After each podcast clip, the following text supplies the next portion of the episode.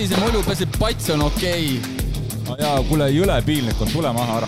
homme jõuad puhata. tere taas kuulama Three Passion podcasti. mina olen Priit ja minuga on saates siin üks oma ala spetsialist ja sissejuhatuseks nii palju, et et minu, minul on kindel veendumus, et jõutreening on saavutusspordis täiesti vältimatu osa või jõu, jõutreeningul on täiesti vältimatu osa saavutusspordis.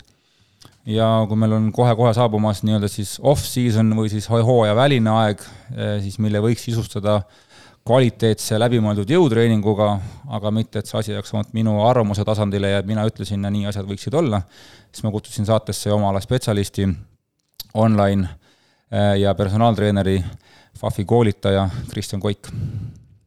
Tere ka minu poolt. Lähme kohe alguses põhiasjadega pihta, äh, mida ka palju minu käest küsitakse või uuritakse, et mis asi see jõutreening ikkagi on ja, ja mis teeb siis jõutreeningust jõutreeningu hea küsimus. Mm, jõutreeningut võib jah, väga mitmesti nagu mõtestada, et äh, näiteks tugevamaks saamine, kõige lihtsamalt äh, selgitatuna, äh, või siis lihasmassi suurendamine või ka muude kudede tugevdamine, et luud, kõõlused ja nii edasi, et seda võib väga mitmeti mõtestada. üldiselt, kui juba jõutrenniga tegelema hakata, siis kõik need, mida ma just nimetasin, head asjad hakkavad äh, juhtuma. Ja natuke sõltub muidugi, kuidas teha ja millele rohkem keskenduda, siis rohkem kas ühed või teised, aga laias laastus väga palju positiivseid kasutegureid äh, kindlasti jõutrennil on.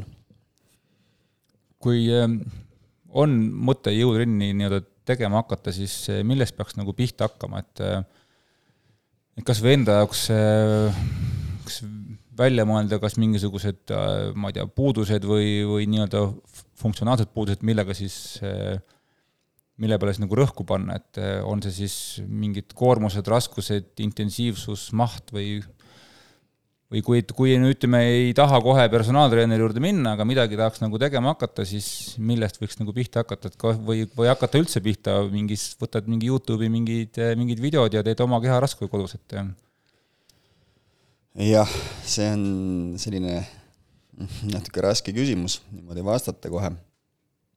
peab mingit konkreetset inimest ette kujutama äh, kuidas öelda, noh, endale, enda tasemele vastavalt tuleks alustada, eks, aga noh, milline on tase, millised on oskused, kuidas on inimese koordinatsioon, vigastuste ajalugu, eelmine koge-, eelnev kogemus ja kuidas on äh, elustiili faktorid, mis kõik mõjutavad ja nii edasi ja nii edasi, et siin on väga palju, väga palju nüansse, et mm, ja on väga raske on sellele vastata, et võtta lihtsalt Youtube'ist midagi ette, noh ma ei, ma ei nagu ei saaks niimoodi öelda otseselt, et alustage keharaskusega samamoodi ei pruugi ka õige olla, sest sest meil on väga palju näiteid inimestest, inimestelt, inimestest, kelle geneetika on lihtsalt sellisel tasemel, et toon näite, üks maailmakuulus jõutõstja, tänaseks lõpetanud, oli vist kuueteist-seitsmeteistaastane, kui ta esimest korda sattus jõusaali ja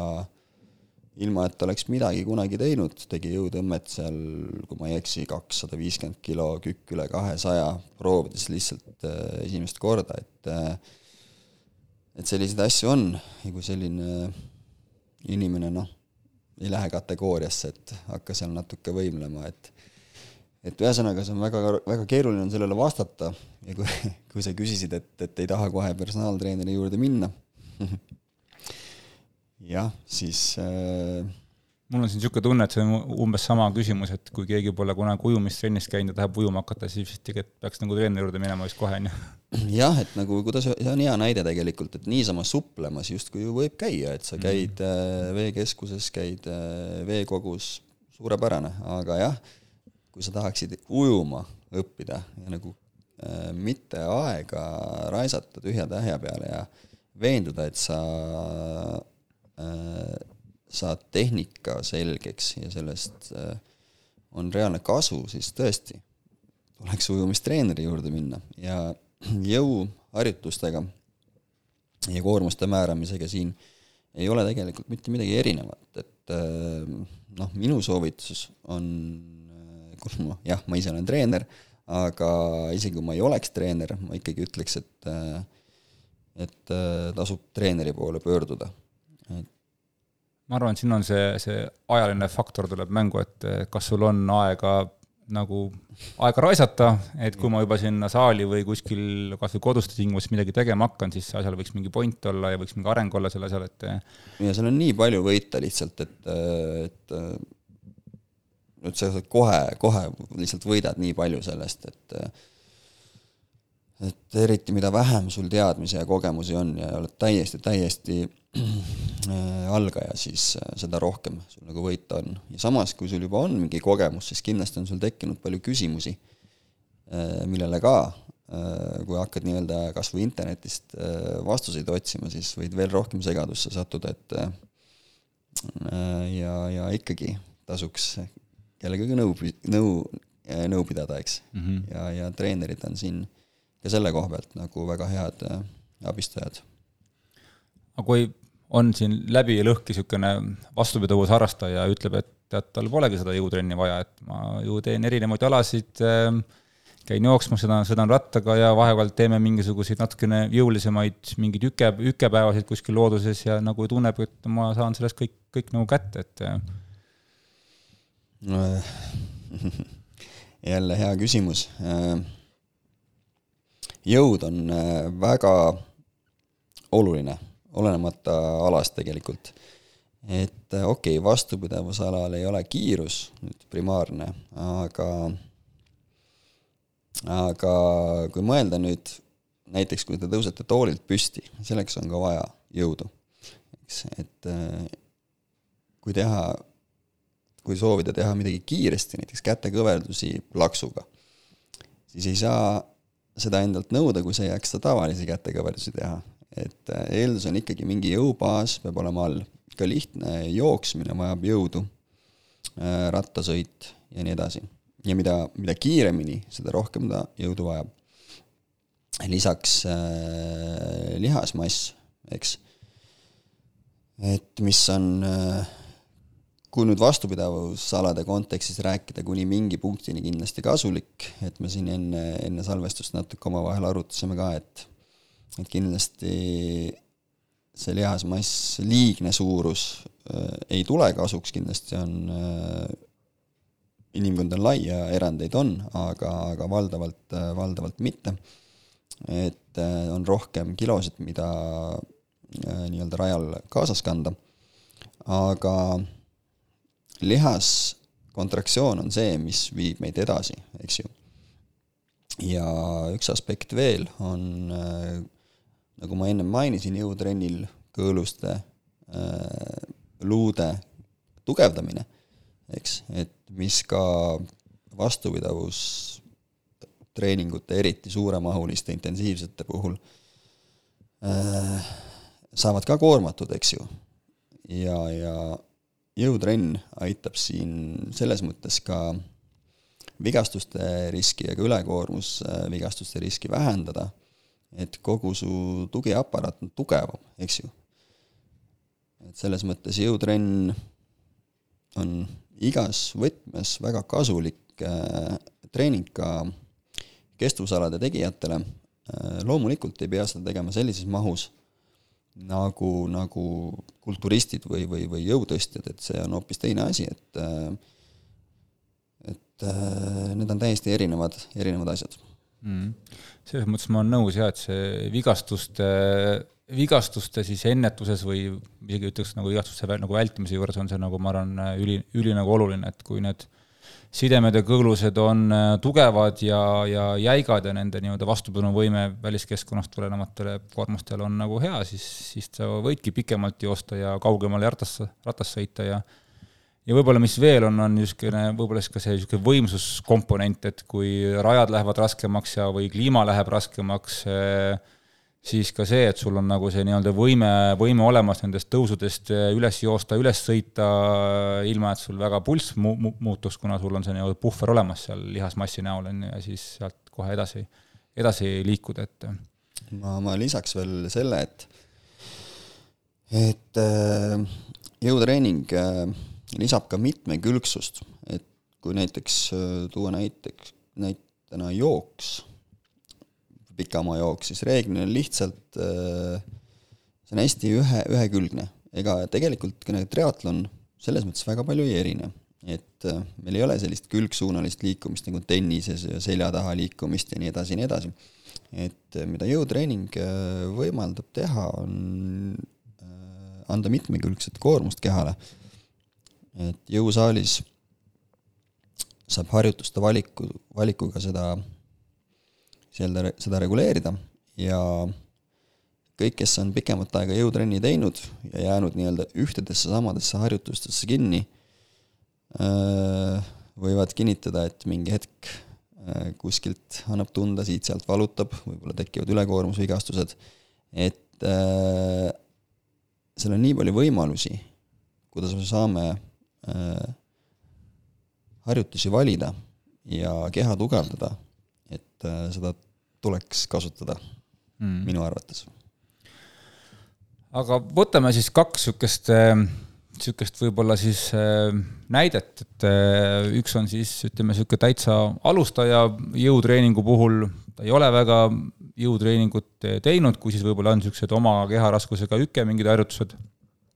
ja siis teistpidi siis võib-olla inimene, kes on, kes on teinud jõusaalis kas või mingisuguseid rühmatreeningud, on käinud ringtreeningus või mingit taolistele treeningutel või ise mõelnud enda jaoks mingisuguse ringtreeningu moodi asja välja, teinud seal niisuguse klassikaliselt kolm korda kümme, kolm korda viisteist, minut aega puhkust vahele, loomulikult tal mingisugune efekt on, on ju, see on parem kui null, aga ikkagi nüüd tunneb ka, et ma olen siin nüüd aastast aastasse käinud, samasid asju teinud ja nüüd tunnen, et aga nüüd võiks kuidagi paremaks saada, et võib-olla alustame sellest esimesest, et kui nüüd ikkagi ei ole väga äh, väga nagu teinud jõusaali, kas oleks okei okay soovitada, et, et samamoodi siis läheb kas või mingi sõbraga siis jõusaali, kes on käinud ennem äh, ja enam-vähem võtabki sealt samamoodi, et leiab seal äh, üldkehalised mingid kas siis masinad, vabad raskused ja teeb seal samamoodi, leiab mingi viisteist, viisteist harjutust näiteks või kümme, kümme harjutustki ja teebki niisugune klassikaline kolm korda kümme, liigutab proovib seda nii-öelda võimalikult äh, korrektselt teha peegli ees ähm, ja alustab kas või sellegagi, et, ähm, et hakkab nagu nii-öelda kuskiltki minema, et tutvustab oma, oma kehale seda niisugust äh, raskuste tõstmist lihtsalt, on ju, mida ta ennem väga teinud ei ole. jah, nüüd kui selle ujumisega korraks paralleel tagasi tuua, siis noh, sõbraga koos ujuma ikka võib minna, eks. et küsi-, küsimus on, et äh, ikkagi see tehnika, täiustamine ja nii edasi, et et see ujumine on väga hea näide, et siin just see treeneri roll on nagu väga suur tehnika õppimisel ja nii edasi, et et see on täpselt sama asi siiski, sa võid sõbraga ju jõusaalis käia, ma ei pelga nii väga seda vigastuste saamist ega, ega seda, see on natukene üle tähtsustatud üldiselt minu arvates, et, et, et oi-oi-oi, kohe saadakse vigastada ja nii edasi ja nii edasi, et et peab äh, nii-öelda korrektse tehnikaga tõstma, et see keha päris nii nõrk, äh, nõrk tegelikult ei ole, et et see on natuke teine teema, see korrektne tehnika, aga, aga aga jah, et loomulikult võib sõbraga trenni minna ja vaikselt seal alustada ja proovida. et selles mõttes on kõik okei okay,, aga me jõuame ikka selleni tagasi, et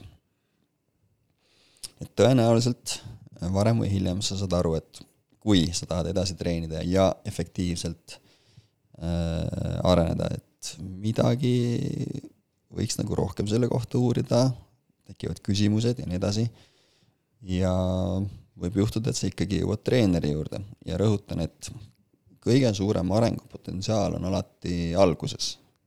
et, äh, et ma ise arvan, et seal tasuks juba hakata asju õigemini tegema, kui raisata seda aega nii-öelda võib-olla siis totaalselt äh, ebaoptimaalsele treenimisele, et et siin need mõttekohad nagu on mm. -hmm. kas üldiselt võib niimoodi väita, et, et kui nüüd ei ole näiteks kaua ka jõusaalis käinud, ütleme, on mingi paareaastane paus tekkinud või sa pole üldse seal käinud, siis on nagu turvalisem teha siis eh, pikemaid seeriaid kergemate raskustega puhtalt sellepärast, et lihtsalt seda tehnikat ja seda liigutusmustrit endale süvendada? seda, seda ei ole vale väita otseselt jah, et sa alustad kergemate raskustega, loomulikult äh, mm, sest noh, lihasmassi kasvu näiteks seisukohast äh, ei ole otsest vahet, kas see raskus on nii-öelda kerge või, või või raske kuni mingi punktini.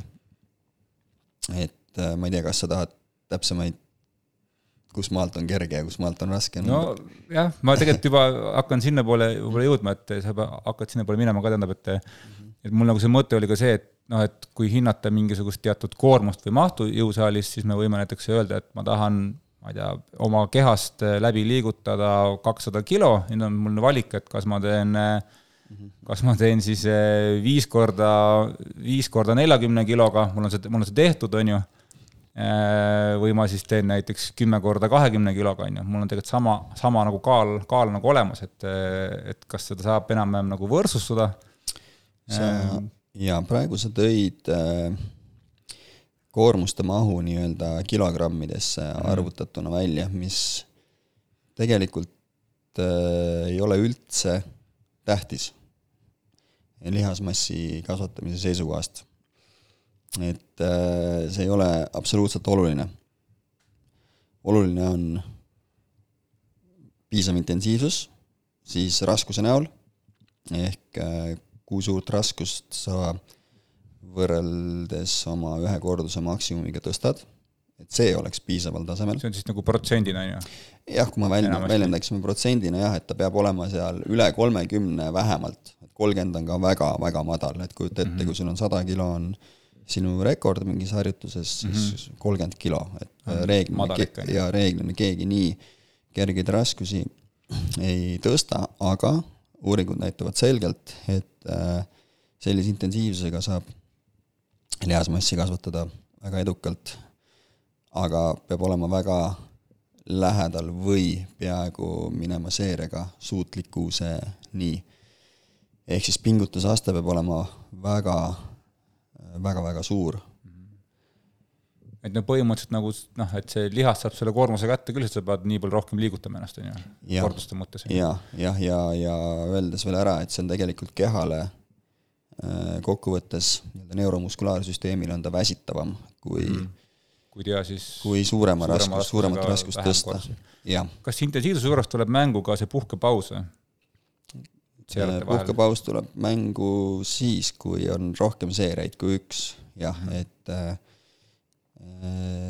küsi täpsemalt, mida sa mõtled. mul on nagu alati raske kuidagi äh, seletada inimestele, mis asi on jõutreeningus intensiivsus. Nad saavad aru, mis on nagu koormus ja mis on see nagu see maht, on ju, aga see kuidagi see intensiivsuse pool ongi see, et et kas ma hinnan seda kuidagi siis, et mul läks pulss ülesse või, või milles see on, sest tihti on ka nii, et kui ma teen vähemalt mul on niimoodi, et ma teen kuidagi vähem, vähem kordusi suuremate raskustega, siis tundub mulle lihtsam kui see, et ma teen siis rohkem kordusi, kuidagi ajab mind rohkem higistama ja kuidagi tundub nagu intensiivsem. ja ma selgitan sulle selle lahti äh,. intensiivsus äh, jõutreeningus äh,, noh, eesti keeles on intensiivsus nagu selline, et me võime nagu pingutusastet selle järgi kirjeldada, et et äh, noh, väsitas päris ära, oli päris intensiivne, eks. okei okay,, ma alati küsin, et no jah, et tegelikult teaduskirjanduses äh, intensiivsus, koormusintensiivsus on siis raskus äh, sinu ühe korduse maksimumist, näiteks kui öeldakse, intensiivsus oli kaheksakümmend protsenti, siis äh, noh, siis on see sajast kilost näiteks kaheksakümmend kilo, kui sada kilo oli sinu maksimum. ehk intensiivsus on raskus et mis raskust kasutasid. Ja noh, ingliskeelses terminoloogias on see siis intensity of load. ja teine asi on intensity of effort või intensiveness. et see on siis see subjektiivne pingutusaasta. jah, et, et kui raske see, kui raske see pingutus oli, eks, et äh, seda sageli ka treenerid tegelikult ajavad nagu segi äh, omavahel, ehk siis seda intensiivsust eesti keeles võib nagu mõlemat pidi kasutada ja et äh, see ei ole nagu vale, kui sa ütled, et jah, ma ei tea, higistasin seal palju ja raske oli, et jah, oli intensiivne, aga Kas aga samas kasutasid hästi kergeid raskuseid, mis, mis raskuse mõttes on jälle intensiivsus äh, loetakse väga kergeks. et näiteks mm -hmm. intensiivsus oli kakskümmend protsenti maksimumist. et mm -hmm. saad aru ja,? jah, jah siis päris nii ei saa öelda, et pigem ikkagi jah, jääda selle maksimumi protsendi juurde. sellega, sellega saab äh, jaa, raskuse, no nagu ma just seletasin, et äh, nii seda, et intensiivsus on siis suurem või väiksem vastavalt protsendile maksimumist, eks mm. -hmm. ja pi-, ma võin nagu treenida suurema intensiivsusega raskuse mõttes, aga pingutusastme mõttes väiksema intensiivsusega no näiteks äh, mul on sada kilo on rekord, eks ju, tõstan kaheksakümmend protsenti, tõstan üks kord mm, -hmm. polnud mingi pingutuski. üks intensiivsus oli kaheksakümmend protsenti, teine intensiivsus oli noh, mitte midagi mm. -hmm. Mm. Läheb võib-olla segaseks, aga et ei, ma pean siis rohkem tõstma, et see jõuaks kohale. jaa, jaa, et aga kas siis seda nii-öelda subjektiivset intensiivsust äh, selle kohta oli vist lühend ka see RPE on ju, et siis see inglis, ingliskeelne siis, mis ta siis täpselt tähendaski, et Rate of perceived exertion. jah, et siis nii-öelda nagu subjektiivne väsimusaste on ju kümnepallisüsteemis.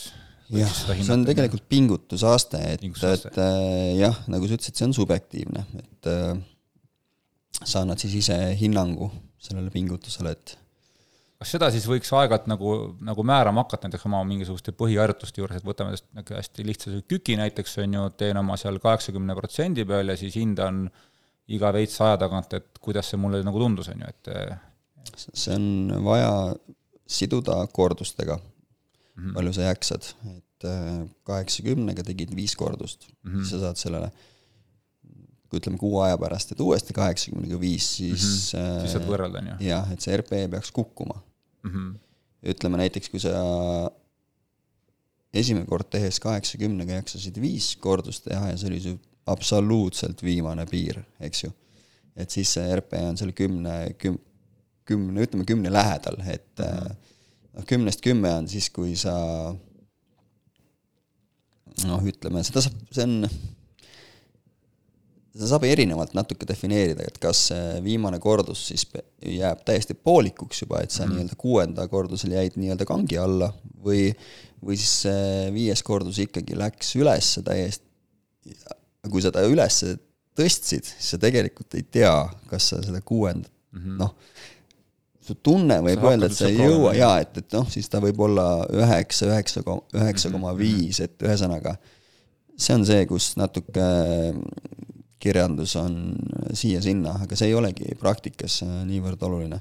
ja siis kuu aja pärast teed kaheksakümnega viis, tunned, et jällegi taju järgi, et kolm või neli oleks jõudnud veel teha, ühesõnaga see kaheksakümnega viis oli juba lihtne mm. -hmm. siis sa võid kirjutada sinna RP seitse, mis tähendab üldiselt, et äh, kolm tükki oleks veel jaksanud. See siis annaks ka vihje, et see nii-öelda maksimumvõimekus on kas nõud-, ju? täpselt, et, et äh, selles mõttes äh, kordustega, raskuse kordused mm -hmm. tuleb ka arvesse võtta mm. -hmm. kui nüüd minna edasi, nüüd lähme selle teise, teise noormehe juurde, kes siis on nagu käinud, on teinud teatud jõutreeningu laadseid asju ja ma arvan, nagu võib-olla tunnetanud seda, et kui ma tõesti raskusi tõstan, siis mul on enesetunne parem, mu selg on sirgem. Isegi võib-olla spordis tunnen ennast nagu paremini ja, ja, ja jõulisemalt, et siis eh, kuidas siis ikkagi oleks niisugune enam-vähem niisugune lollikindel mingi näiteks mingi nädalakava kas või jagada mingi kaheks või kolmeks korraks, et noh, ma arvan, et kui ma juba ütlen kolm jõusaali, siis enamik panevad podcast'i kinni praegu, et pole aega selle jaoks, on ju et okei okay,, et eh, ma saan aru, et, et juba see kaks on niisugune paras nagu pingutus, on ju, ja võib-olla siis peab seda kahe, kahest ka ühte kuidagi võib-olla nagu segama mingisuguse teise nagu spordiga, näiteks ma ei tea, jooksevad seal lindi peal soojaks natukene, et nad saavad mingisugust nagu tegevust ka sinna veel juurde lisada, on ju. Et kuidas see kuidagi see nagu harjutuste või kehaosade jagunemine võiks olla nüüd selle kahe nagu päeva vahel ja, ja, ja, ja mis oleks siis ütleme, niisugused okei okay, vastupidavusalad nüüd sinna juurde veel linkida, et noh, näiteks, et ma ei tea, jõusaalis tegin jalga, läksin, ujusin peale, on ju, et noh, nii-öelda käsi ei puutunud, vees on niikuinii, enamik on käte peal, et noh, et äkki kuidagi keha nagu händleb selle ära muidugi ma ei kujuta ette, mis see nagu füsioloogiliselt tegelikult nagu tähendab, et, et kui keha üritab ühte kehaosasid nagu äh, ütleme siis lihast arendada ja, ja seda taastada, siis sa lähed põhimõtteliselt pärast seda lähed veel ujuma, on ju, et see on üks paras puder ja kapsad lõpuks seal kehal, et, et see just see et see koormus läheb nii mitmeks, et, et kas seda üldse on mõistlik teha, on ju, ühesõnaga, et kas on üldse mõistlik teha neid niisuguseid, ma ei tea, mis see hea sõna on, seal niisugused nagu siis mingi super, supertreeninguid, kus siis tehakse kõik asjad korraga ära, noh. Äh, jah, teaduskirjanduses nimetatakse seda nagu eesti keelde tõlkida kokkusattuv treening mm., võib-olla oleks äh, õige termin. siis lühidalt öeldes kõige parem on, kui sa teed äh, erinevatel päevadel mm., kui sul on võimalus. et sul on kindel jõusaalipäev ja, ja see on jõusaalipäev ja, ja midagi muud, muud ei tee, on ju? jaa, see on kõige parem variant. okei okay,, variant kaks on hoida nendel vähemalt kuus tundi vahet, et kui sa mhm. pead ühe päeva ühe Eks päeva jooksul tegema. hommik-õhtul põhimõtteliselt. jah, jah. ja variant kolm, noh, see, mis sa mainisid, on tegelikult see pudru ja kapsad variant, kõige halvem variant, kus sa, kus sa teed need nii-öelda koos. et, äh, et üldiselt jah, et ühe hobusega ei saa nagu kahe sadulaga korraga sõita, et mingid valikud tuleb teha ja vastupidavustreining ja jõutreening mingist punktist selles mõttes hakkavad üksteisele vastu paraku töötama, et sa ei saa noh, olla nii-öelda tippkulturist ja, ja tipptriatleet või maratoonner samal ajal, et, et see on siis juba noh, selline ekstreemsem näide, eks. et ikkagi on erinevad kohastumused äh, kehalt, mida need äh, alad nõuavad. aga jah, kui on võimalik, siis kõige parem on teha eraldi, eraldi päeval või siis see hommik-õhtu variant. aga kas seal on, äh, oleks mingi erinevus ka, et mida siis hommik, mida õhtu või? Äh, ma ei oska sellele sulle peast praegu vastata. et kas seal mingisugust niisugust loogikat pole, et ma olen kuulnud, et, et kas oli, ma ei mäleta nüüd, kumma, kumma pidi see oli, et et jõutreening töötab paremini kas hommikul või õhtul? ei, ma oskan sulle öelda seda, et kui on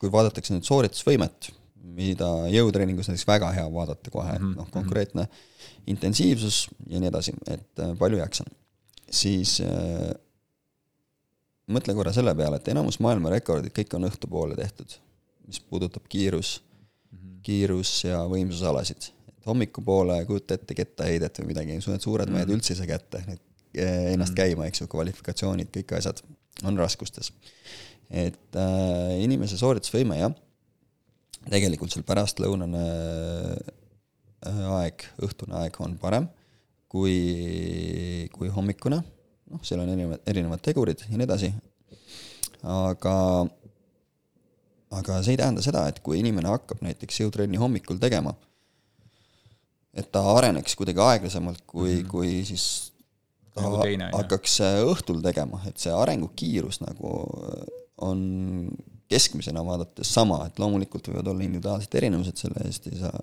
seda ei saa nagu kindlalt väita, mõnel lihtsalt ei sobigi, ta ei, kuidagi ei tunne ennast nagu mugavalt hommikul treen-, treenides, teine jälle õhtul, eks ju, et siin tuleb nagu ise leida see endale sobiv, aga et sul oleks nüüd selle võrra areng aeglasem või kehvem, see, seda kindlasti nagu uuringud näidanud ei ole, et, et äh, arengukiirus kui selline on võrdne aga kui nüüd ikkagi, ma küsin selle ikkagi ära, kui nüüd ikkagi on see pudru ja kapsad treening plaanis, on ju, kas on ka seal mingisugune, ütleme siis sinupoolne soovitus, et mida siis ikkagi ennem teha, kas alustada selle jõutrenniga, teha need jõuasjad ära, ilma et sa ennast nagu väsitaksid selle vastupidavusspordiga, ja siis äh, pärast lähed siis teed natuke midagi siis aeroobset peale või nagu vastupidi just, et pigem tee see aeroobne siis nii-öelda nagu pikem üldisem soojendus kehale ja siis teed sinna jõutrenni peale, kuigi minu kogemus ütleb, et siis võib olla probleem selles, et võib-olla ei jõua enam nii intensiivselt asju tõsta. oled juba veits väsinud ja võib-olla on seal vedeliku puudus juba ja, ja enam ei ole päris see, noh. jõutrenn on väga äh, kuidas öelda, tundlik väsimusele mm. -hmm. et äh, minu soovitus on kindlasti sellised jõu ja ki-, jõudu ja kiirust nõudvad tegevused teha värskena. ja nagu ikka, kerge aeroobne soojendus ette ja nii edasi, see on, see on tavaline, aga jah, põhimõtteliselt äh, nagu sa just ütlesid, et siis sa lähed väsinumana mm, -hmm. energeetilisemalt äh, tühjemana, eks ju. su sooritusvõime on kehvem mhm. jõusaalis mm. -hmm. ja siis ma tõenäoliselt arvaks ka seda, et kui mul on juba natukene väsimus ka, siis võib-olla see RPE on ka juba siis teine, on ju, et ma tunnen kindlasti raskusi raskemana, kui nad tegelikult mulle peaksid, peaksid tunduma, on ju, et ja. kuigi ma võib-olla teen selle kava ära, kõik kordused teen ära, aga, aga ta nagu tundub ikkagi mulle raskem, kui ta tegelikult peaks, peaks olema, on ju jah, kõige ideaalsemas maailmas teeksid kogu aeg ühtedes samades tingimustes, et mm -hmm. siis on need omavahel võrreldavad, et äh, jõutreening on selles mõttes on väga tundlik, nagu ma ütlesin, et kui sa mingi harjutuse kavas, mis sul muidu on esimene, tõstad viimaseks. eriti, kui seal on veel lihasgruppe, mis äh, panustavad, siis noh mm., kes vähegi on teinud, see saab aru, et sa ei jaksa nii palju, kui siis, kui sa oleksid seda teinud esimesena mm.. ja sedasama asja näitavad meile ju mitmete seeriate tegemised. teed ühe seeria näiteks, ütleme, kujutame ette, maksimaalselt jaksaksid kümme kordust, teine seeria ju juba on sooritusvõime kukkunud. no mhm. okei okay,, kui sa puhkad seal väga-väga-väga-väga-väga kaua mm, -hmm. siis no, enam-vähem. jah, aga mõttes saad aru, et tuleb kümme, ma ei tea, üheksa, seitse, kümme, kaheksa, seitse, kümme, kaheksa, kuus. et kordused, kordused kukuvad, et kui me võrdleme sama tehnikaga ja maksimaalse pingutusega tehtud, kui sa jätad kordusi varusse, siis võib teha ära näiteks kümme, kümme, kümme, aga mm -hmm. siis peaksid olema siis on eri, erinevad äh, RP näidud nendel kõikidel seeriatel mm. -hmm. esimese kümme sa lihtsalt panid kangi ära, oleks võib-olla jaksanud viisteist, kuusteist, me ei tea, eks mm. -hmm. teine oli keskmiselt raske ja viimane võib-olla oli siis noh, juba suhteliselt pingutust nõudev seeria, aga siis sa saad aru, et kümme, kümme, kümme võrdse puhkepausi puhul tähendab seda, et RPE igal seerial on erinev, et seetõttu väsimus on kohe mm., kohe panustav. tulles tagasi nüüd ikkagi selle sportlase juurde, et selle, ütleme siis kahe, kahepäevase programmi juurde, et oletame, et on selle aja endale leidnud, hakkab käima kahel õhtul äh, jõusaalis, puhtalt keskendub jõutreeningule, midagi muud sinna otsa ega juurde ei pane mm,. mis võiks nende päevade vahe olla, Äh, või kui me teeme erinevaid lihasgruppe, siis äkki pole üldse vahet, et ma mõtlen, et, et kas peaks olema mingi ühe-kahe-kolmepäevane vahe nüüd selle kahe treeningu vahel, või see pole ka nii oluline lõpuks, et saab ka teha ainult ühepäevase vahega, näiteks ma ei tea, esmaspäev, kolmapäev ja ülejäänud neli-viis päeva siis ei tee ja siis jälle teeb, on ju. Äh, need kõik asjad on omavahel seotud, mis intensiivsusi kasutad mm, -hmm. kui suur on maht, eks ju, harjutuste valik ja nii edasi, et need on kõik omavahel äh, kõik omavahel seotud, et sellele otseselt ei saa niimoodi, niimoodi vastata, et mõlemat pidi on okei okay,, kui ja siis peavad teatud asjad olema mm -hmm. paigas.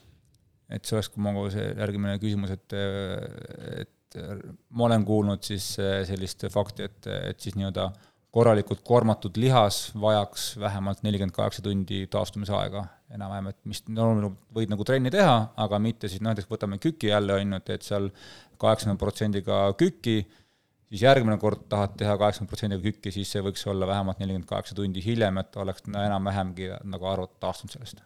on see enam-vähem siis jah, see on jälle see, et see korralik, äh, korralik maht või korralik trenn, et mis, mis ta täpselt nagu oli, et on ka pikemaid, äh, pikemaid näitujaid, et näitajaid, et, et taastumine ja väsimuse nii-öelda lahtumine, seal on nii palju tegureid mis äh, kogu selles võrrandis nagu on, et äh, ka seal rakupaistetus või nii edasi, et on uuringud, mis näitavad, see on viis päeva, lihaskahjustus samamoodi võib olla, et lihaskahjustus siis üks põhilisematest, miks miks äh, su sooritusvõime ei pruugi veel taastunud olla, et mida rohkem sa oma lihast kahjustad, seda selles mõttes halvem, halvem see on, et, et äh, seda rohkem läheb aega, on ju. jaa, ja seda rohkem ressurssi suunatakse selle parandamisele. et äh, kas on kuidagi on... võimalik mul seda kuidagi ära ka hinnata, et ma olen ühe selle siis intensiivse päeva teinud ja nüüd lähe-, no näiteks jätsingi kaks päeva vahele, lähen uuesti, ma tegelikult ju võiks mingite markeritega ära tunda selle, et äkki täna pole veel see päev, et peaks uuesti tegema hakkama, et praktikas on näitajaks see, et mida su sooritusvõime teeb. Mm. -hmm see on praktikas, mida sa saad teha, et sul ei ole kogu aeg äh, laborit ja teadlasi kaasas, eks ju, kes äh, mõõdavad Äh, ja analüüsivad kõike. Mm.. et praktikas on see noh, toome näite, et kui see, su maksimum on sajaga viis kilo ja sa jaksasid sajaga kuus, siis äh, sa oled taastunud. Mm.. Sooritusvõime on isegi parem, et see on see, mida sa nagu Tahad, soovid, jaa ja,, täpselt. et noh, selles mõttes see jõud kui, kui, kui selline äh, väljend, väljendubki siis siis sinu, sinu soorituses, et mm, nüüd küsimus ongi, et äh, nagu ma ütlesin, maht, sagedus, intensiivsus, need kõik kolm on omavahel tugevalt, tugevalt seotud. Ja, ja elustiili faktorid ka veel, et üks ma vähese unega öö mm -hmm. pole söönud nii hästi, elu stress, mingi stressirohke sündmus ja nii edasi nii edasi. Et see kõik määrab, määrab väga palju selles, aga, aga aga ikkagi sooritusvõime on see, mis, mis peaks stabiilselt nii-öelda väljendatuna numbrites siis minema ülesse mm.. kui ta ei lähe või ta on kehvem, siis, siis on midagi, midagi liiga palju, eks ju, mida nendest et äh, palju süüdistatakse seda sagedust, mille kohta sa küsisid näiteks, et see mhm. sagedus, noh, sagedus, ma võin teha iga päev ühe kätekõverduse mm. -hmm. sagedus on seitse päeva nädalas, kolmsada kuuskümmend viis päeva.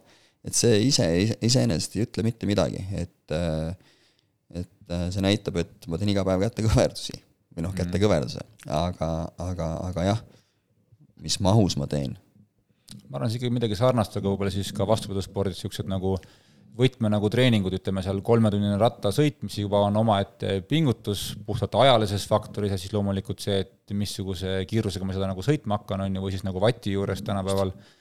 et siis on ka see, et me võime ka iga päev kolm tundi sõita, nüüd sõltubki sellest, et kui kiiresti me seda teeme ja siis ongi see, et kui ma tunnen ikkagi võib-olla juba kolmanda päeva hommikul, et, et täna enam kolme tundi ei taha sõita või tõesti mu kiirus langeb, e-, mhm. enesetunne on mhm. kehvem, on ju, järelikult mhm. siis ongi kõik, on ju, et siis ma peaks hakkama mõelda, mõtlema puhkamise peale, mitte siis nagu edasi nagu suruma, et ma arvan, jõusalist nagu sama, et jõutreenides on täpselt sama asi, et see sagedus, paljud nagu räägivad, et sa ei või sama lihasgruppi mm -hmm. järjestikuste päevadel treenida ja nii edasi, see ei vasta absoluutselt tõele, et see pigem sõltub see, sellest koormust. jaa, see, sellega peab kaasas käima jutt selle kohta, et kui -hmm. palju, mida kõik sa tegid, et mm sagedus üksi ei, ei ütle meile mitte midagi tegelikult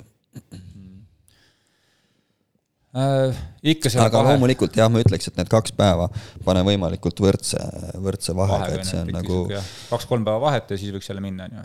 jah, loomulikult. suht kindla peale minek, on ju ja kui nüüd teadusuuringutest rääkida, siis noh, on leitud, et noh, tehakse seal näiteks kaheksa, kümme või kaksteist nädalat, vaadatakse, et okei okay,, sama programm, teeme nii, et esmaspäev, kolmapäev, reede, või tähendab jah, esmaspäev, kolmapäev, reede, üks grupp, teine teeb esmaspäev, teisipäev, kolmapäev mm, -hmm. siis neli päeva ei tee mm. -hmm. ehk siis teeb nagu järjestikustel päevadel mm. -hmm.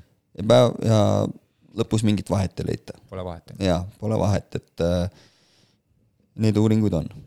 et selles mõttes kui doos on nagu sama, siis ja sa näit-, äh, siis sa saad nagu nädala alguses jah, on ta nagu rohkem, teine on rohkem hajutatud, aga nädala lõikes on ta sama, et äh, et see üldmaht, kui on võrdne, siis äh, reeglina tulemused on ka võrdsed, aga rõhutan, et need näitavad keskmise meil alati, eks ju, et on mm. jõutreening on väga äh, tugev on selline individu-, individuaalsuse faktor, individuaalsuse printsiip, et see on väga tugev.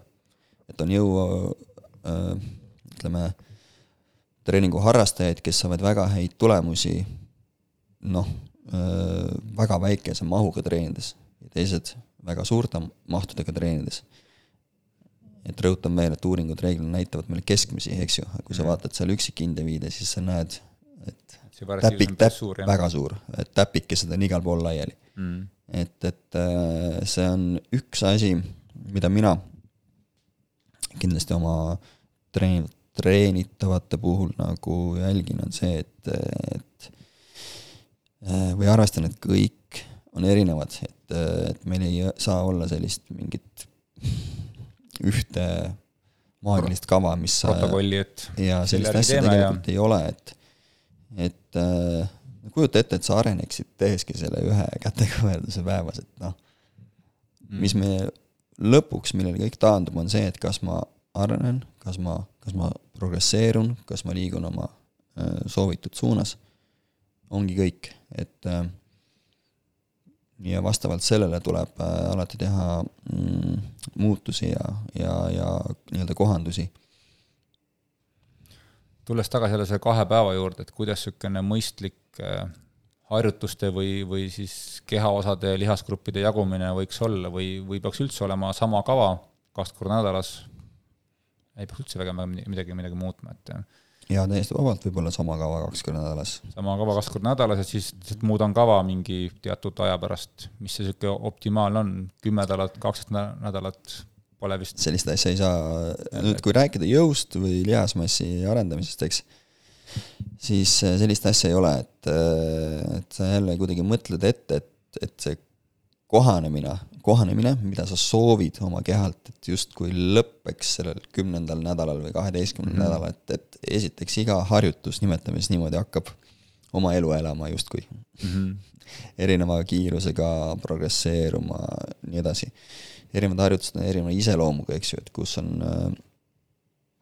mis harjutus on koormavam lihase lühenenud faasis, mis on lihase pikenenud faasis koormavam ja nii, ja nii edasi et mis on läbi mitme liigese toimuv harjutus, mis on läbi ühe liigese toimuv harjutus, mis on isomeetriline harjutus ja nii edasi ja nii edasi.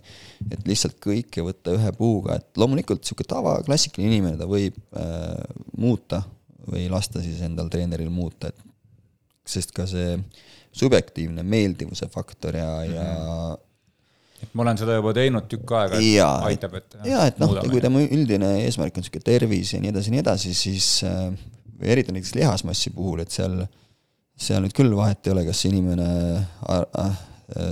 teeb mingi periood seal, on tal hantel käes või on tal niisugune plokk, et, et mm -hmm. kui liigutus on nagu sama, et seal on, on erinevused, kui nüüd väga detailidesse minna, aga summa summarum, kui sa näed ennast elukestva treenijana mm, -hmm. siis ma nimetan alati, et sa jõuad kõik need harjutused siin jõusaalis ära proovida, et, et et päeva lõpuks äh, see on koormusest sõltuv protsess, mitte nagu harjutuse nimest mm -hmm. või, või, või, või, või siis treeningu nimest sõltuv protsess, et äh, ehk siis vabalt võib ju ka niimoodi olla, et mul on mingi kümneharjutusena programm ja siis nendest kümnest harjutusest kaks-kolm tükki mul arenevad väga kiiresti, ma tunnen, et nendega on nagu lagi ees. Mm, -hmm raskused on hästi kõrged, eh, vähemalt nagu subjektiivselt ma arvan, et mul tehnika pole ka hakanud eh, kompenseerima väga, ma mhm. suudan seda ilusti teha, lihtsalt ka kaalud lähevad nii suureks, et peaks mõtlema midagi muud, on ju, et nagu, et samale enam-vähem piirkonnale, aga siis leidma mingi teise nurga alt harjutu või siis selle lihasele pikkusele harjutus, et siis oleks jälle nagu millegi pealt progress, progresseeruda, on ju. ja see on, nagu ma ütlesin, see on natuke ka sellise ennetava toimega, et et muuta natuke nurki, asju, et just selle ülekoormuse, ühe segmendi ülekoormuse nagu vältimiseks, et, et -hmm. natuke ennetada, nagu ma ütlesin, lihasel ei ole väga vahet, et kui me Kuidas räägisin jah, kulturismist või nii edasi praegu, eks ju, et kas sa tegid seal, tegid sa seal surumisi hantlitega seal viieteistkümne kraadise nurgaga pingi peal, nüüd tõstsid kolmekümnese peale ja läksid trenasööri peale, et mhm. mõistad, mis ma tahan öelda, et mm -hmm. aga siiski need on ikkagi ikkagi veidi erinevad, veidi erinevad nurgad ja nii edasi, et samamoodi on ka intensiivsuste vahetamine, et et nagu ma ütlesin, et, et et see int-, intensiivsusspekter on võrdlemisi lai, mis tagab võrdse lihasmassi kasvu.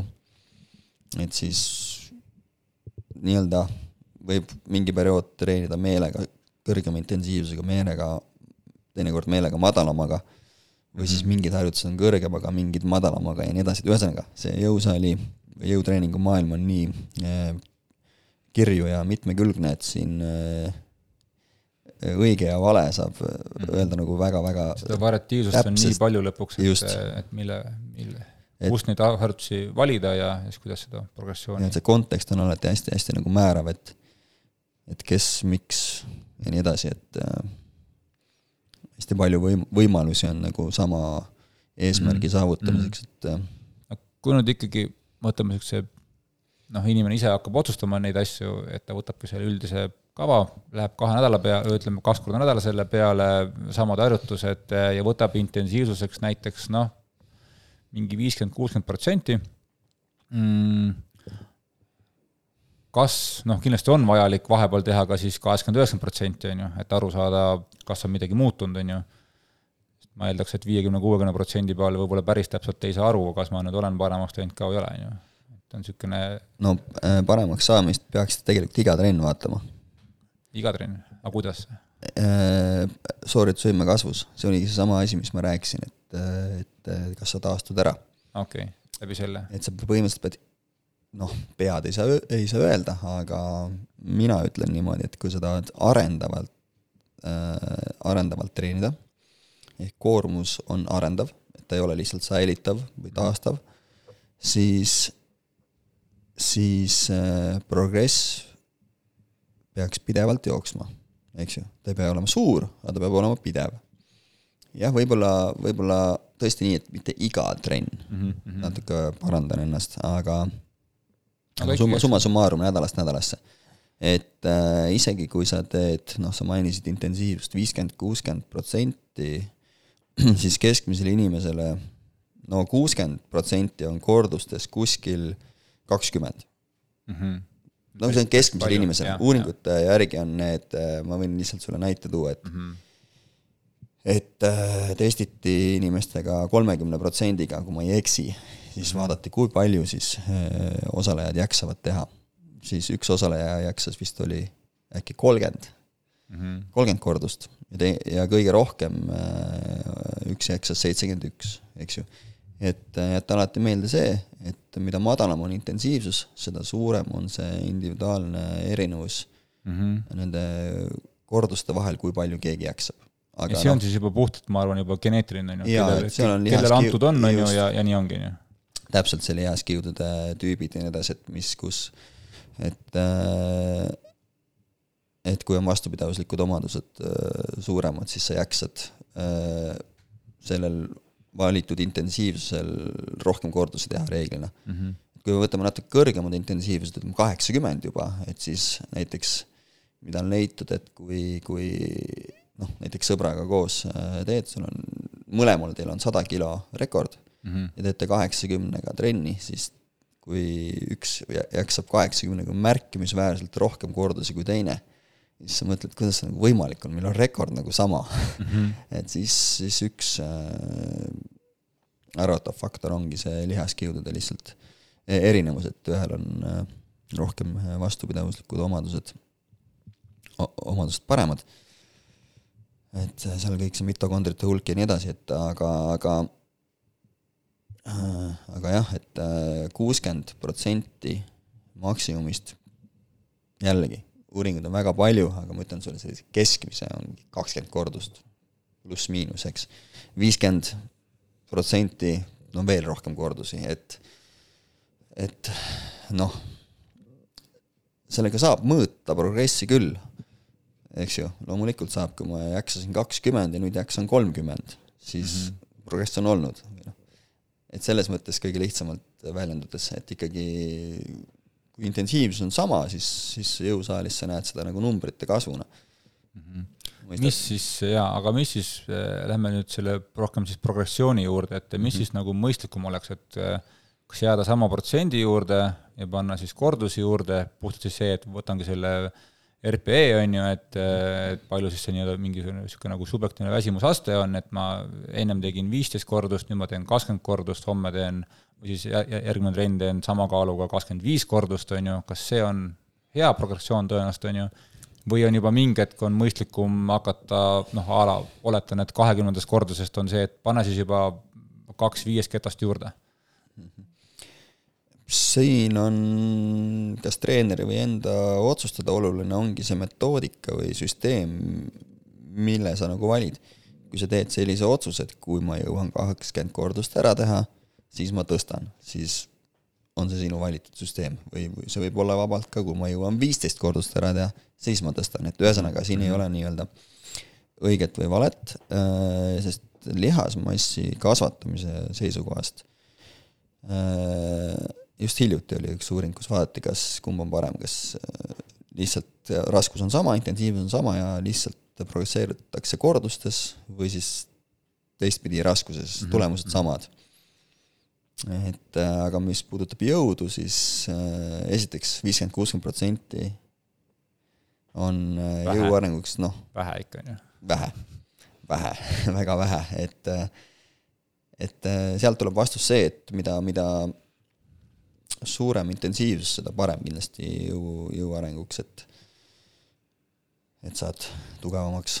siis võiks ka põhimõtteliselt ka niisuguse väite öelda, et äh, ma ei tea, äkki ma olen tõmbanud asja puusse juba -hmm. et vastupidavussportlane kui selline, nagu me ennem ka rääkisime ka, et võib-olla see lihasmassi nii väga ei tahagi tekitada, võib-olla tal juba mhm. on looduse poolt antud mm -hmm. mingi teatud hulk lihasmassi juba, ta on sellega rahul, ja ta pigem tahab lihtsalt nagu tugevamaks ja kiiremaks saada, on ju, siis ikkagi ei olegi mõtet nagu neid pikkasid seeriaid teha ju, et täiesti mõttetu tegevus, ainult võib-olla tekitab lihasmassi juurde, on ju, jõud või ütleme siis see nii-öelda maksimaaljõud ei muutu ja lõpuks ongi halb üldse, terve talv tegin, aga nagu tulemust nagu ei olnudki nagu. ütleme nii, et see, mis ma nagu tahtsin, on ju. Mm, noh, jõud on tegelikult äh, ka oskus, et äh, noh, toome näite, et näiteks mingi kangiga kükk või jõutõmme või lamades surumine või mis iganes harjutus, et ta on ikkagi, igal asjal on tehnika, eks. selles mõttes eh, on jõudeoskus, et mida rohkem sa seda läbi teed, seda paremaks läheb sul nii lihase sisene koordinatsioon kui liha, erinevate lihaste vaheline koordinatsioon ja nii edasi, kõik need neuraalsed adaptatsioonid, ehk sa lihvid tehnikat. ehk väga palju kohastumisi tuleb eh, sealtpoolt eh, mis väljendub siis sinu jõu kasvus. see ei tähenda seda, et isegi lihasmass oleks kasvanud veel, noh, see on mm -hmm. mõneti, mida sa ka, ka mainid, kui sa ei taha, et lihasmass kasvaks, siis saab täiesti nii treenida. ja ka jõud, jõudu saab juurde. ja äh, oota, mis see küsimus täpselt oli, korraks läks meelest ära et ühesõnaga siis ikkagi tehagi ainult ütleme siis nende suuremate mm -hmm. raskustega, on ju, et, et ma ei tahagi lihasmassi väga juurde, vaid puhtalt ainult teda jõu poolt. Noh. aa, jaa, nüüd tuli, tuli meelde, et äh, kujutame ette, et sul tehnika on äh, päris käpas, siis tegelikult su maksimumjõud, kui me ei räägi nüüd päris niisugust tugevatest tegijatest, vaid nii-öelda keskmisest inimesest, siis ikkagi tõuseb, kui sa kujutad ette, ma toon sulle ühe näite, kui ma kunagi käisin äh, ühel võistlusel, kus oli vaja viiekümne kiloga teha surumisi korduste peale. ma ei olnud seda kunagi teinud, nagu lihtsalt teeme korduste peale, palju ma jõuan. siis äh, ma jaksisin seal äkki seitsekümmend või seitsekümmend viis kordust, aga see tuli puhtalt tänu sellele, et minu maksimum oli suur. mõistad? Kui mu, kui mu, kui mu maksimum oleks olnud ainult viiskümmend viis kilo saad ju aru, et ma oleks viitekümmet kilo jõudnud võib-olla noh, kaks kordust, saad aru, ehk siis, ehk siis seda kahtepidi vaadata, mida kõrgem on mu maksimum, eeldusel, et see harjutus mind, eh, sellel ei ole väga sellised tugevat kardiovaskulaarset nõudlust, näiteks lamades surumine, millel ei ole, siis selle võistluse võitis eh, inimene, kes, kelle rekord oli seal mingi kakssada või kakssada kakskümmend kilo. -hmm. ta ütles, ta ka kunagi ei olnud viiekümnega, lihtsalt ta tegi mingi üle saja korra mm. -hmm. et noh, ühesõnaga, see näitabki seda, et kui tähtis on see maksimumjõud, et, et, et mm, -hmm. et see langetab ju sinu selle vastava raskuse intensiivsust, eks ju, viiskümmend kilo võrdlenud tema kahesajase rekordiga, eks mm,, mitte midagi. neli korda väiksem, jah. noh, mitte midagi, eks ju, ja ta aga jaksabki sellega aga siin ongi juba otsene seos siis ka vastu, Täpselt. vastupidaspordiga, et Täpselt. kui sul on maksimumvõimekus on Jaa. hea, siis sa võid ju täpselt, sealt viiskümmend protsenti allpool töötada tundide viisi ju, ilma et sa ära väsiksid. täpselt nii. jaa, et äh, Äh, käisime ennem läbi ka, aga võib-olla täpsustame natukene seda lihaskiudude teemat ka, et äh, ma nüüd oma ülikooli ajast väga enam ei mäleta, aga üritan siis, siis kaasa natuke mõelda, et äh, mitu neid, mitu erinevat lihaskiudu on ja, ja kuidas ja kas on võimalik neid kõiki tüüpe muuta. seal minu arust oli, minu arust mingi erinevus oli, et mingit sai ja mingit ei saanud enam, on ju, et ühesõnaga, et ma äh, loodan, et ma nüüd mäletan õigesti, aga ma soovitan vaadata otsida Peeter Kaasiku loeng ülesse, netist on see leitav, peaks olema leitav. Mm, et kus äh, lugupeetud professor väga hästi seletab, kui ma nüüd ei eksi, siis ta ütles, et äkki neid on üle neljakümne erineva, et selline lihtsustus äh, nagu need kolme tüüpi või Jah, siis, või jah. siis ka kahte tüüpi mm -hmm. on, on ikka väga-väga-väga-väga suur lihtsustus. Ja nii edasi, et ühesõnaga mm, see jah, ma, see läheb kindlasti minu nii-öelda mm, ekspertiisist nagu natukene välja, et äh, ma ei, ma ei, ma ei mäleta täpselt ja nii edasi, et äh, siin on parem vastus see, et vaadake mm. -hmm. alustage sellest, et vaadake Jah. see, kuulake see loeng ära, suurepärane, et no nii palju ma nagu äh, ütleks ära siis, mis ma ise nagu mäletan või midagi, mis ma olen nagu ise nagu teistele oma liikmetele nagu rääkinud tihti, et, et noh, jagatakse enam-vähem kas siis kaheks või kolmeks, on ju, ütleme suures plaanis ütleme kaheks, ühed on siis aeglased, ühed on kiired, ma olen õieti, ma õieti mäletan niimoodi, et et kiired lihaskiud on sul sünniga kaasas, on sulle antud, neid äh, juurde ja juurde ei saa, ühesõnaga, et see, mis sulle antud on, geneetika poolt kiired nii-öelda nagu lihas, lihaskiud, neid oleks siis tark äh, arendada, sest et äh, ma va- va- vastasel juhul siis need põhimõtteliselt ikkagi jäävad noh, nagu varju, on ju. ja kui ma õieti ka mäletan, siis oli, oli ka võimalik siis äh, liigse vastupidavustreeninguga muuta need äh, kiired kiud ka nagu liiga uimaseks, on ju, et päeva lõpus sa siis nagu kaotad oma seda kiirust veel nagu rohkem, on ju ehk siis mis nagu see mul see jutu point praegu on, ongi see, et noh, et sul on niikuinii antud seda kiiret kiudu vähem, teatud siis nagu protsent siis nagu kõigub, on ju, kellel rohkem, kellel vähem, ja kui sa nüüd seda ei arenda ka mitte mingit moodi, et, et sa ei teegi mingeid hüppeid kas või, või, sa mingit jõudu talle ei rakenda, mingisugust ikkagi nagu totaalselt niisugust nagu üle nagu koormust, mis ongi siis kaheksakümmend, üheksakümmend protsenti sellest nagu maksimumist, siis see lihaskiud ongi niisugune nagu uimane ja ta noh, kuna teda ei ole kunagi tööle pandud, siis ta ongi seal kuskil tagaplaanil ja, ja see nii-öelda, see aeglane lihaskiud tahab rohkem tööd teha, sest noh, tema on kogu aeg teinud tööd, on ju. on see jutt umbes enam-vähem nii ta umbes võiks olla? Siin äh, jälle soovitan lugeda näiteks ähm, Epsteini Sports Gene äh, raamatut ja ja nii edasi, et miks, miks mul näiteks sellisel teemal asjad nii-öelda ei ole peas, ütleme nii, on see, et äh, ma lihtsalt äh, seda ei ole nagu vaja minu, minu, minu töös, et äh, et nii lihasmassi kui, kui noh, keskmise inimene, kellega ma, kellega ma töötan, või keha kompositsiooni muutus, need ei ole nagu olulised, olulised küsimused, et äh, mõte on igal juhul sama, progressioon jõusaalis, Äh, ja ülejäänud on selline, et ma hakkan mälust midagi meenutama, aga noh, mm. keegi, me keegi nagu lõpuks polegi võib-olla jah vajalik, nagu Jaa. sa ütlesidki, et võta igat inimest kui indi-, individuaalne juhtumit ja, ja mine selle pealt, on ju, et aga veel jah, sellest teemal veel, et ähm, ma mäletan, Tartu Ülikoolis olid ka vahepeal olid need geeniuuringud, et siis nagu Mhm. määrata, et, et palju siis on sinu siis seda kiiret ja vastupidavuspoolt, on ju. siis mäletan, et ka seal lõpuks mingid professorid olid seal väga segaduses, et äh, äkki nad seal võrdlesidki kettaheitjaid ja kas olid maratoonarid või, või olid äkki isegi olidki triat-, triatleedid ja nad avastasid siis seda, et kui sa eeldad, et triatleedil on nagu aeglane kiud kuidagi ülekaalus, tegelikult oli nagu vastupidine hoopis see seis seal.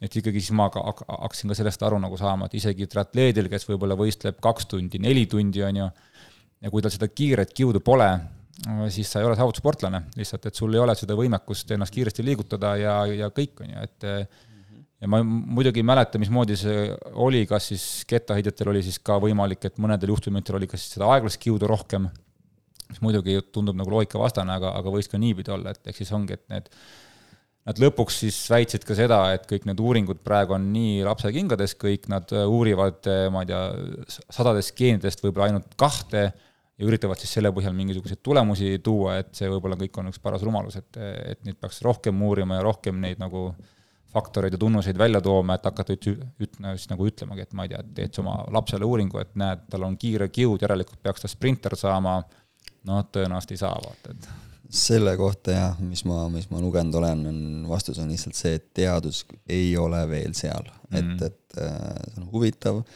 ma olen ka ise äh, osalenud kuskil, kus need professorid rääkisid ja küsimusi mm -hmm. esitanud ja nii edasi, et see teadus ei ole veel seal, seetõttu ma ütlen, et praktikas nagu sellele ei keskendu, see ei ole, see ei ole minu kogemusel, ma olen juba üle kahekümne aasta treener olnud, et see oleks nüüd mingisugune määrav faktor, et, et mm. kui sulle meeldib vastutavastreening, siis on need kiud, mis sul on, tee mm. seda, on ju mm.. kui sulle meeldib jõutrenn ja tahad selle kasutegureid lõigata, siis on, mis nad on, sa saad ikka neid kasutegureid. jah, me võime vaadata, ühed reageerivad äh, kiiremini ja, ja saavad suuremad tulemused, paremad tulemused kui teised.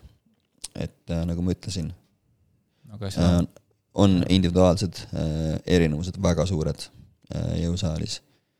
et, et kui on vaadatud sama programmi, on, osad on isegi regresseerunud, ehk siis nende lihasmass ja jõud on vähenenud, et äh, ka selliseid inimesi on, kui varem arvati, et on täiesti sellised nii-öelda mm, non-responder'id olemas, et, et kes nagu üldse ei reageeri, siis ikkagi, ikkagi praegu pigem arvatakse, et äh, see nii ei ole, et asi on ikkagi, ikkagi selles, et äh, doos oli vale, on ju? jaa, et tuleb leida see doos, sest et, et et iga lihasraku saab, saab nagu kasvama, et, et mm.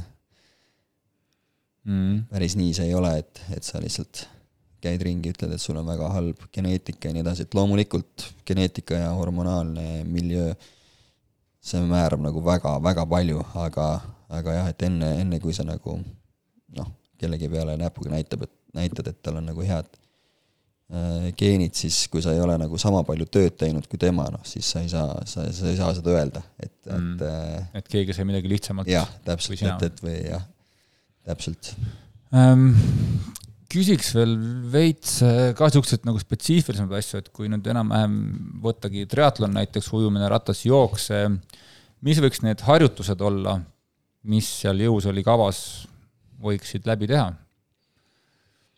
see on, jaa, see ei lähe päris minu sellise igapäeva tege-, tegevusega kokku, minul on ikkagi jah, ütleme kehakompositsioon on äh, täiesti valdav enamus, millega ma tegelen, ehk siis äh, nii-öelda lihasrakk suuremaks, rasvarakk väiksemaks, lihtsustatult öeldes mm, -hmm. jõukomponent seal juures, aga äh, aga seega noh.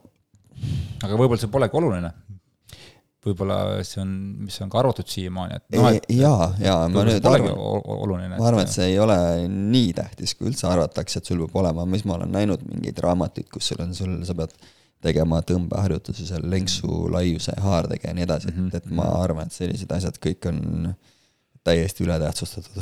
et võib-olla jah, et, et ma pean kuidagi yeah nii-öelda üks, ütleme siis, kopeerima mingit triatloni alast mingisugust äh, asendit äh, või mingisugust jah, nii-öelda tehnikat, elementi läinud läbi mingi jõu, et ma nüüd olen siis selles elemendis parem, võib-olla seda polegi vaja, vaja, vaja nagu teha. ei, kui me vaatame teisi spordialasid, mul on endal äh, võitlusspordi taust ka päris pikk, et siis seal ei ole midagi, et nüüd sa teed midagi erilist, harjutused on ikkagi kogu lihaskonda hõlmavad ja nii edasi, võib mingid spetsiifilised asjad tulla seal haarde tugevdavad harjutused juurde ja nii edasi, mida võib-olla keskmine inimene nii-öelda eraldi ei keskendu, millele.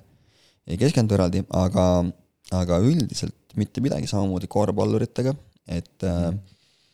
jalgpalluritega. Siin ei ole mitte mingit äh, mingit müstikat, lihased on lihased ja ja, ja noh, jõud, nagu ma ütlesin, sõltub spetsiifilisest tõstest, et kui sa tahad olla väga hea kükkija, siis pead kükki harjutama. kui sa tahad olla väga hea lamadas suruja, pead seda harjutama, et et jõud koosneb alati nii neuraalsest komponendist kui ka morfoloogilisest poolest, ehk siis lihase suurus, lihase kinnituskohad ja nii edasi, et need kaks määravad.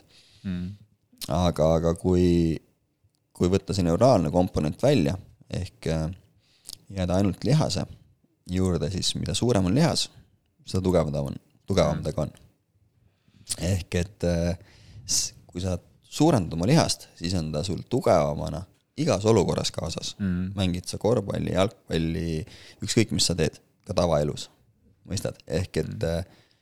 jah, see neuraalne komponent tagab selle spetsiifilisuse, eks, et aga seda ma teen niikuinii päevast päeva, et ja see on mul nagu endal ka mingi võib-olla väike avastus viimase paari aastaga, et et kui varasemalt üritasid jah, nagu ütleme siis jäljendada mingit teatud elementi mingisuguses asendis rattas või, või, või jooksus või ujumises, on ju, ja siis seda kuidagi läbi mängida läbi jõusaali, siis viimasel ajal ma olen ka avastanud seda, et, et nagu me siin oleme ka rääkinud, et, üritan teha niisuguseid nagu klassikalisi harjutusi kaheksakümne protsendiga, arendada puhtalt jõudu väga lihtsate sirgjooneliste harjutustega ja läbi selle ma avastan, et et see kõik kandub üle ka siis sinna triatloni aladesse, mis Just. need, mis need tehnikad, ütleme siis vilumused on mul juba niikuinii olemas, on ju, et ja ma, ma ei pea seda eraldi, ütleme, et ma ei pea kuidagi jõusaalis imiteerima mingit raske käiguga rattasõitu või ma pean siis tegema kükki, on ju. Et ja see kõik lõpuks nagu kandub nagu edasi, et ja mis on ka siis see teine pool on see, et mida rohkem me teeme harjutusi keerulisemaks erinevate mingid, ma ei tea, nurkade ja ma ei tea, mingisuguste tasakaalupatjade ja asjade seda vähem me suudame teha seda intensiivsust, mida me tegelikult nagu suudame, ütleme siis nagu soovime teha, ehk siis päeva lõpus me teeme küll, on ju, aga see harjutus, ma ei tea, kõik see tehnika jälgimine, kõik see teema muutub nii raskeks lõpuks, et jällegi seda kasutegurit pole, on ju. Täpselt, täpselt, äh, asjad aetakse tihtipeale liiga keeruliseks, et äh, reeglina saad paremad tulemused, kui sa teed nii-öelda jutumärkides tavalisi ja, ja kõigile tuntud harjutusi ja teed äh, neid äh, mm. korralikult, tead, mis sa teed, kui see, et sul on äh, mingisugune megaprogramm mm. mm. rattalenksu nurkade järgi ja kõik paika pandud tõmbed ja, ja kõik mm., eks ju, siis natuke tasub selle peale mõelda, et spetsiifilise, spetsiifilised kohastumised saad sa eriala, erialatööst kätte, mm. eks ju, aga üldiselt sellised morfoloog-, morfoloogilised muutuseid ei saa, on ju, et jaa, sa teed siis... neid jõutrennist teed, võtad need kasutegurid, et äh, võib-olla võtta ka siis niipidi, et jõutrenn võiks ikkagi jääda jõutrenniks ja ikkagi ja. raskuste tõstmiseks ja kui sa tahad spetsiifiliselt midagi teha, siis võib-olla ongi see, et siis rattaga sõida tõuse või jookse, jookse liiva sees või jookse tõuse või või uju mingisuguste labadega või mingisuguste takistustega või ühesõnaga, sa saad sealt selle erilase jõu kätte, et et seda ei peaks tegelikult saali üle, üle, üle, üle kandma ja samamoodi ma ei saa aru ka, tihti tehakse, me ennem korra mainisime ka, kergete raskustega pikad seeriad mm. -hmm. tavaliselt on ka lühikesed puhkepausid või ka ringtreeningu formaat, eks ju, et kestvusalade tegijad. hästi palju puutun sellega kokku, ma ütlen, et miks, miks te seda teete, et ma ei, nagu täpselt ei saa sellest ka mõttest äh, aru tegelikult, et noh, et aga lihas vastupidavus ja aga, aga teie, teie te tegelete oma erialase treeningiga kogu aeg, erialase lihas vastupidavuse arenguga, aga aga see komponent, mis me ennem mainisime, eks ju, siin maksimumjõud ja nii edasi mm, -hmm. mis mhm. kõik äh, kandub üle, muideks maksimumjõu tegemine uuringutes ka on näidanud ka maratonijooksjatel ja nii edasi, väga positiivset efekti, et noh mm, -hmm. see sai siin ennem juba räägitud, et, et äh, et te ei pea, kui te olete vastupidavussportlane, siis see ei võr-, see ei tähenda võrdusmärki, et kerged raskused mm, -hmm. pikad seeriad, lühikesed puhkepausid ja et siis hakata seal ka veel seda kõrget nagu pulssi või siis, või siis noh, nagu vastupidavusala iseloomu nagu otsima, et mm, -hmm. et näiteks ringtreeninguna puhkepause ei ole või on väga lühikesed, et, et seal oleks ka kogu aeg. jõutreeningus on puhkepaus ülioluline äh, muutuja. see on olulisem äh,, kui paljud arvavad. Et äh, nagu ma ütlesin, mida värskemana sa seeria teed, seda parem, eks. mida väsinumana, seda kehvem, hästi lihtne ja loogiline. samamoodi võrdle näiteks sprinte, sprinditreeninguid. ei saa olla nii, et paned sada meetrit täiega ja lased kolmkümmend sekki puhata. ja pead uuesti, on no see ei, no sa saad, saad teha seda treeningut. aga see aeg läheb aeglasemaks kogu, kogu aeg, aeg., täpselt, eks. ja kas sa sellega arendad kiirust? ei arenda, su iga jooks on aeglasem mm.. eks, sa pead olema, sa pead väga palju puhkama seal vahel. eks ju, seega see taastumine on oluline. ja kui me räägime veel tipu, nimet-, nimetame maksimaaljõust, siis need puhkepausid on veel pikemad kuigi see tõste võib kesta sul seal mõni sekund, on ju mm., üks kordus või kaks kordust. ja siis mõtled, sa puhkad seal minuteid mm., eks ju, nagu naljaga pooleks jõutõstjatel on noh no,, diivan on. ainult vast istuvad seal. diivan on, diivan on kõrval, et, et, et et tegelikult jõutrennis, kui me räägime lihasmassi ja jõu arendamiseks, siis seda reaalset puhkamise aega on kõvasti rohkem kui see, mida sa teed seal mm.. et et see ei ole vastupidavustreening. ja sealt sa ei otsi sellist, või noh, vale sõna, tihtipeale nagu inimesed otsivad seda nagu väsi, väsimist mm. või, või väsimuse tunnet või nii edasi, et ei, see peab olema fookus, värskus igaks seeriaks, et Aga mitte olen, meelega nagu väsitada. nõus sellega jah, et eks seda võib-olla vanasti arvatigi, võib-olla siiamaani keegi arvab, et, et ma peangi jõusaalis tegema seda vastupidavus, ütleme, teengi seal viis korda kakskümmend, viis korda kakskümmend viis pikad seerad, sest see on see, mis minu ala on, on ju, et ma peangi seda tegema, ma arendan siis ennast sellega kõige nagu paremini, et aga küsiks edasi, ähm, mis sa arvad, äh, ma ei tea, selja, kõhu, korsetilihaste, süvalihaste treeningust, kas see on üldse vajalik äh, või see trend on ka täitsa kadunud, et nüüd, et ähm, mm,? kõigepealt ma ütlen äh, enda, enda treeningu koha pealt, et ma olen sellest ju ammu juba täiesti loobunud, noh. et see on üks kõige ületähtsustatumaid asju üldse tegelikult. Äh, sest uuringud näitavad ka, parimad süvalihaste harjutused on meil klassikalised jõuharjutused. nimetame siis selgmisele poolele näiteks jõutõmbed, kükid, kõhtmisele poolele kätekõverdused, küünarvarus toeng-lamangus, hoidmised, kõik, mis sa teed nii-öelda kõht maa poole, pead ennast kuidagi hoidma. kõik nagu see, see, see koormus on kordades suurem kui see, et sa teeksid äh, mati peal või kuskil palli peal või, või neljakäpukil mingeid, äh, mingeid äh, harjutusi, et see on, see on noh, nimetame seda tilulilluks, et, et nii palju paremaid võimalusi on ja ilma, et sa peaks üldse mõtlema, et vaid see kasutegur nagu käib, tuleb kaasa lihtsalt mm, -hmm. nii-öelda tasuta kaasa. et nimetame seda tugevama selja ja mm -hmm. Tugevama, tugevama kõhu. et äh, juhul, kui sa teed, muidugi on võimalik teha ka jõusaalis ju ainult selliseid harjutusi, kus sa nagu äh, kehatüve väga ei, väga ei, ei koormagi. ja ma saan siis aru, et ta siis jah. siis võiks nagu teha midagi, on ju. just, et siis alati langeb ikka küsimus äh, selline, et, et, et miks selline harjutuste valik või et, või ja nii edasi, et, et seda peab vaatama nagu üld, üldpildis, aga ikkagi, ikkagi ka kerelihaste harjutuste valikus äh, sama, sama mõte, mõte kehtib, et võiks progresseeruvalt treenida. no vaata, mõni teeb lihtsalt, et teebki teeb oma kolm korda kakskümmend, ta eluaeg teebki, et tegelikult seal nagu mingit muutust ei ole, et see on suhteliselt säilitav koormus, säilitab tema teatud taset teatud lihaste teatud harjutuse puhul, aga, aga aga seal ei ole suurt äh, äh, arendavat efekti, eks.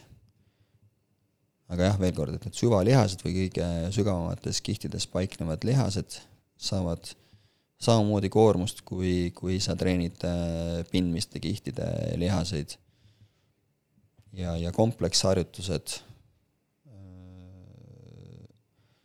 kus ei ole nagu toetatud niimoodi, sa toetad oma selja ja kõik ära, siis need harjutused on väga head ka nendele lihastele. noh, näiteks võtamegi siis mingisugune, ma ei tea, siis ma ise kasutan noh, et eesmärk on mul mujal, aga ma tunnen, et mul on tegelikult korsett sellega väsinud, et näiteks kas või tavalised ähm, väljaasted, mingi raskused siis äh, kas mõlemas käes või ühes, ühes käes näiteks, kastilasted, raskus ühes käes. Ja sellega ma saan tegelikult kõik oma korsetiga kätte, ma nagu tunnen, et, et ma küll mõtlen nagu jalgade peale võib-olla mm, -hmm. aga, aga kui ma pean, mõtlema ka selle peale, et mul peaks olema keha enam-vähem otse ja püsti ja ma ei tohiks ümber kukkuda seal kasti peal, siis see ongi korsetitreening juba, et jah, kui sa mõtled korra nüüd jõudude peale, mis äh, sind mõjutavad alati, mingid äh, jõud mõjutavad meid, eks, siis kui sa nüüd võtad ühte kätte, eks ju, et kuhu suunda see antel nüüd sind piltlikult öeldes kisub, eks. Et isegi kui sa ütled, et sa ei mõtle selle peale, siis tegelikult sa mingitele jõududele võitled vastu, eks ju. et äh, töö vasta, käib aeg. töö käib, vastastoimelised jõud ja, ja näiteks kõhupõikilihased seavad seal korralikult. ja et see käib kogu aeg jah, töö käib, et äh, et isegi, kui sa võib-olla ei mõtle selle peale ja võib-olla harjutusi nagu analüüsides tasuks tegelikult äh, selle peale mõelda, et okei okay,, ma teen mingit harjutust, teinekord sa ei mõtlegi, et paned nagu käe kuskile vastu toeks või toetad jalaga kuhugi või, või turja kuhugi vastu, et hmm, et miks ma nagu seda teen, et kui ma seda ei teeks, et äh, siis mis siis oleks jah, et näiteks võtta tavaline lamadas surumine kangiga kujuta nüüd ette, et võtta see ping sealt nagu alt ära, et, et seal on mõte sellel pingil, eks ju. et äh, seda nimetatakse väliseks stabiilsuseks, mida pa-, mida parem sul see väline stabiilsus on, seda rohkem sa saad keskenduda mm, nendele primaarsetele lihasgruppidele või sellele liigutusele, mida sa soovid teha. mida kehvem sul see väline stabiilsus on, mainisid korra, et kes läheb, seisab palli peale või posu peale või nii edasi, seda, seda raskem sul on. sest kehal on vaja koordineerida väga palju äh, asju korraga, eks ju. ja sa mainisid siis ka, et sama suurt või nii suurt intensiivsust ei saa kasutada. See on loogiline, et ma elu sees ei saaks posu palli peal teha, seistes teha kangi, kangturjal kükke äh, sama raskusega, kui ma olen stabiilselt toetades tallad vastu maad, et, et äh, lihtne ja loogiline. Et sealt ka see, see vahe. Mm.. Ähm, kuidas puhata, kuidas taastuda siis nendest jõutreeningutest äh, või kas on mingisuguseid, ma ei tea, faktoreid, mis võiks mulle vihjata, et ma võiksin mingi puhkuse sisse võtta endale mm,? uni. number üks asi on ikkagi, see on ju kolmandik sinu ööpäevast ja terve elu mm. -hmm. et see on nagu üks nagu väga-väga tugev vundamendi põhi, põhialustest on uni. kuidas on lood sellega? kvaliteetne, piisavalt pikk, hakkame sellest pihta. teine asi, toitumine. Teed jõutrenni, siis valguvajadus on suurem, eriti kui sa tahad veel lihasmassi kasvatada. Äh, ehk siis valguvajadus, kas see on kaetud, kas see on lihtsalt päeva, päevanormina kaetud või ta on, on ka kuidas ta päeva lõikes jaotub. et see äh, läheb ka määramaks, lõpuks igast väiksest asjast tuleb kokku tulemuseks. siis kas mu kaloraaž on positiivne, negatiivne? Äh, mis veel? Kas valgu kohta oskaks mingit soovitust kanda, vaid äh, a la kas siis kehakaalu kilogrammi kohta, mitu grammi või siis lihasmassi kohta või on niisugused mingid lihtsad, lihtsad soovitused? ja kui sa teed jõutrenni, siis ütleme, kui sa võtad lean body mass'i järgi -hmm. LBM-i järgi äkki kaks koma kolm grammi mm. -hmm. et äh, siis see on nagu hea niisugune orientiir. Kaalu järgi, noh, kui on väga suur rasvaprotsent, siis need numbrid ei kehti, mm -hmm. lähevad liiga, liiga kõrgele, aga üks koma kuus, üks koma kaheksa. Mhm.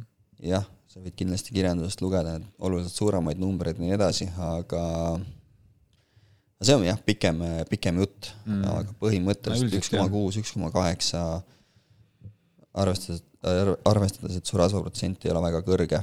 või siis sa, kui sa tead oma LBM-i, siis saad korrutada kahe koma, kahe koma kolmega, et et äh, sealt sa saad sellise üldise päevase valgu, valgu öö, äh, koguse kätte. siis uni, siis äh, stressifaktorid, kindlasti, et kui on palju stressi, siis taastumine pikeneb. seda on leitud näiteks üliõpilaste peal, kui on igasugused eksamisessioonid ja nii edasi, samal ajal treenivad ja nii edasi.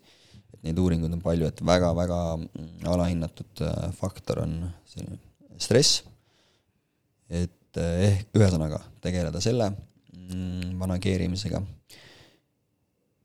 siis mm, kindlasti on veel, praegu ei tule nii kiiresti pähe.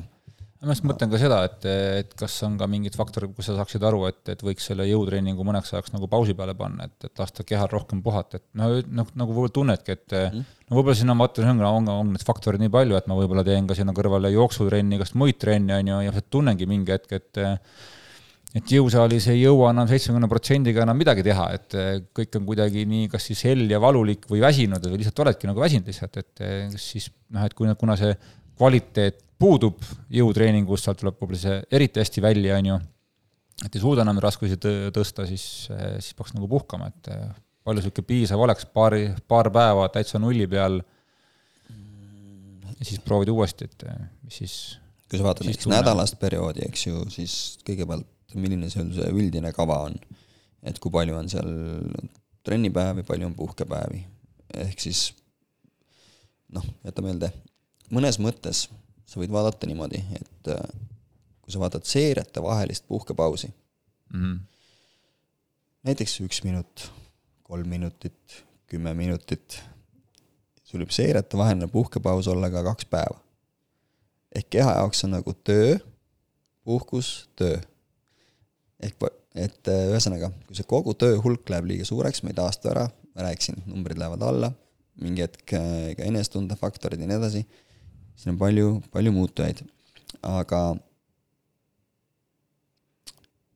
puhkepausi pikkused, nii harjutuste, seeriate, treeningpäevade vahel, kui siis äh, see üldine doos määravad väga palju. ja kui sa sellist olukorda kirjeldad juba, et äh, juba igalt poolt nii-öelda, mis sa ütlesid, hakkab valutama, noh mm -hmm., numbrid pigem äh, toimub nii-öelda tagasi, nii-öelda taandareng, siis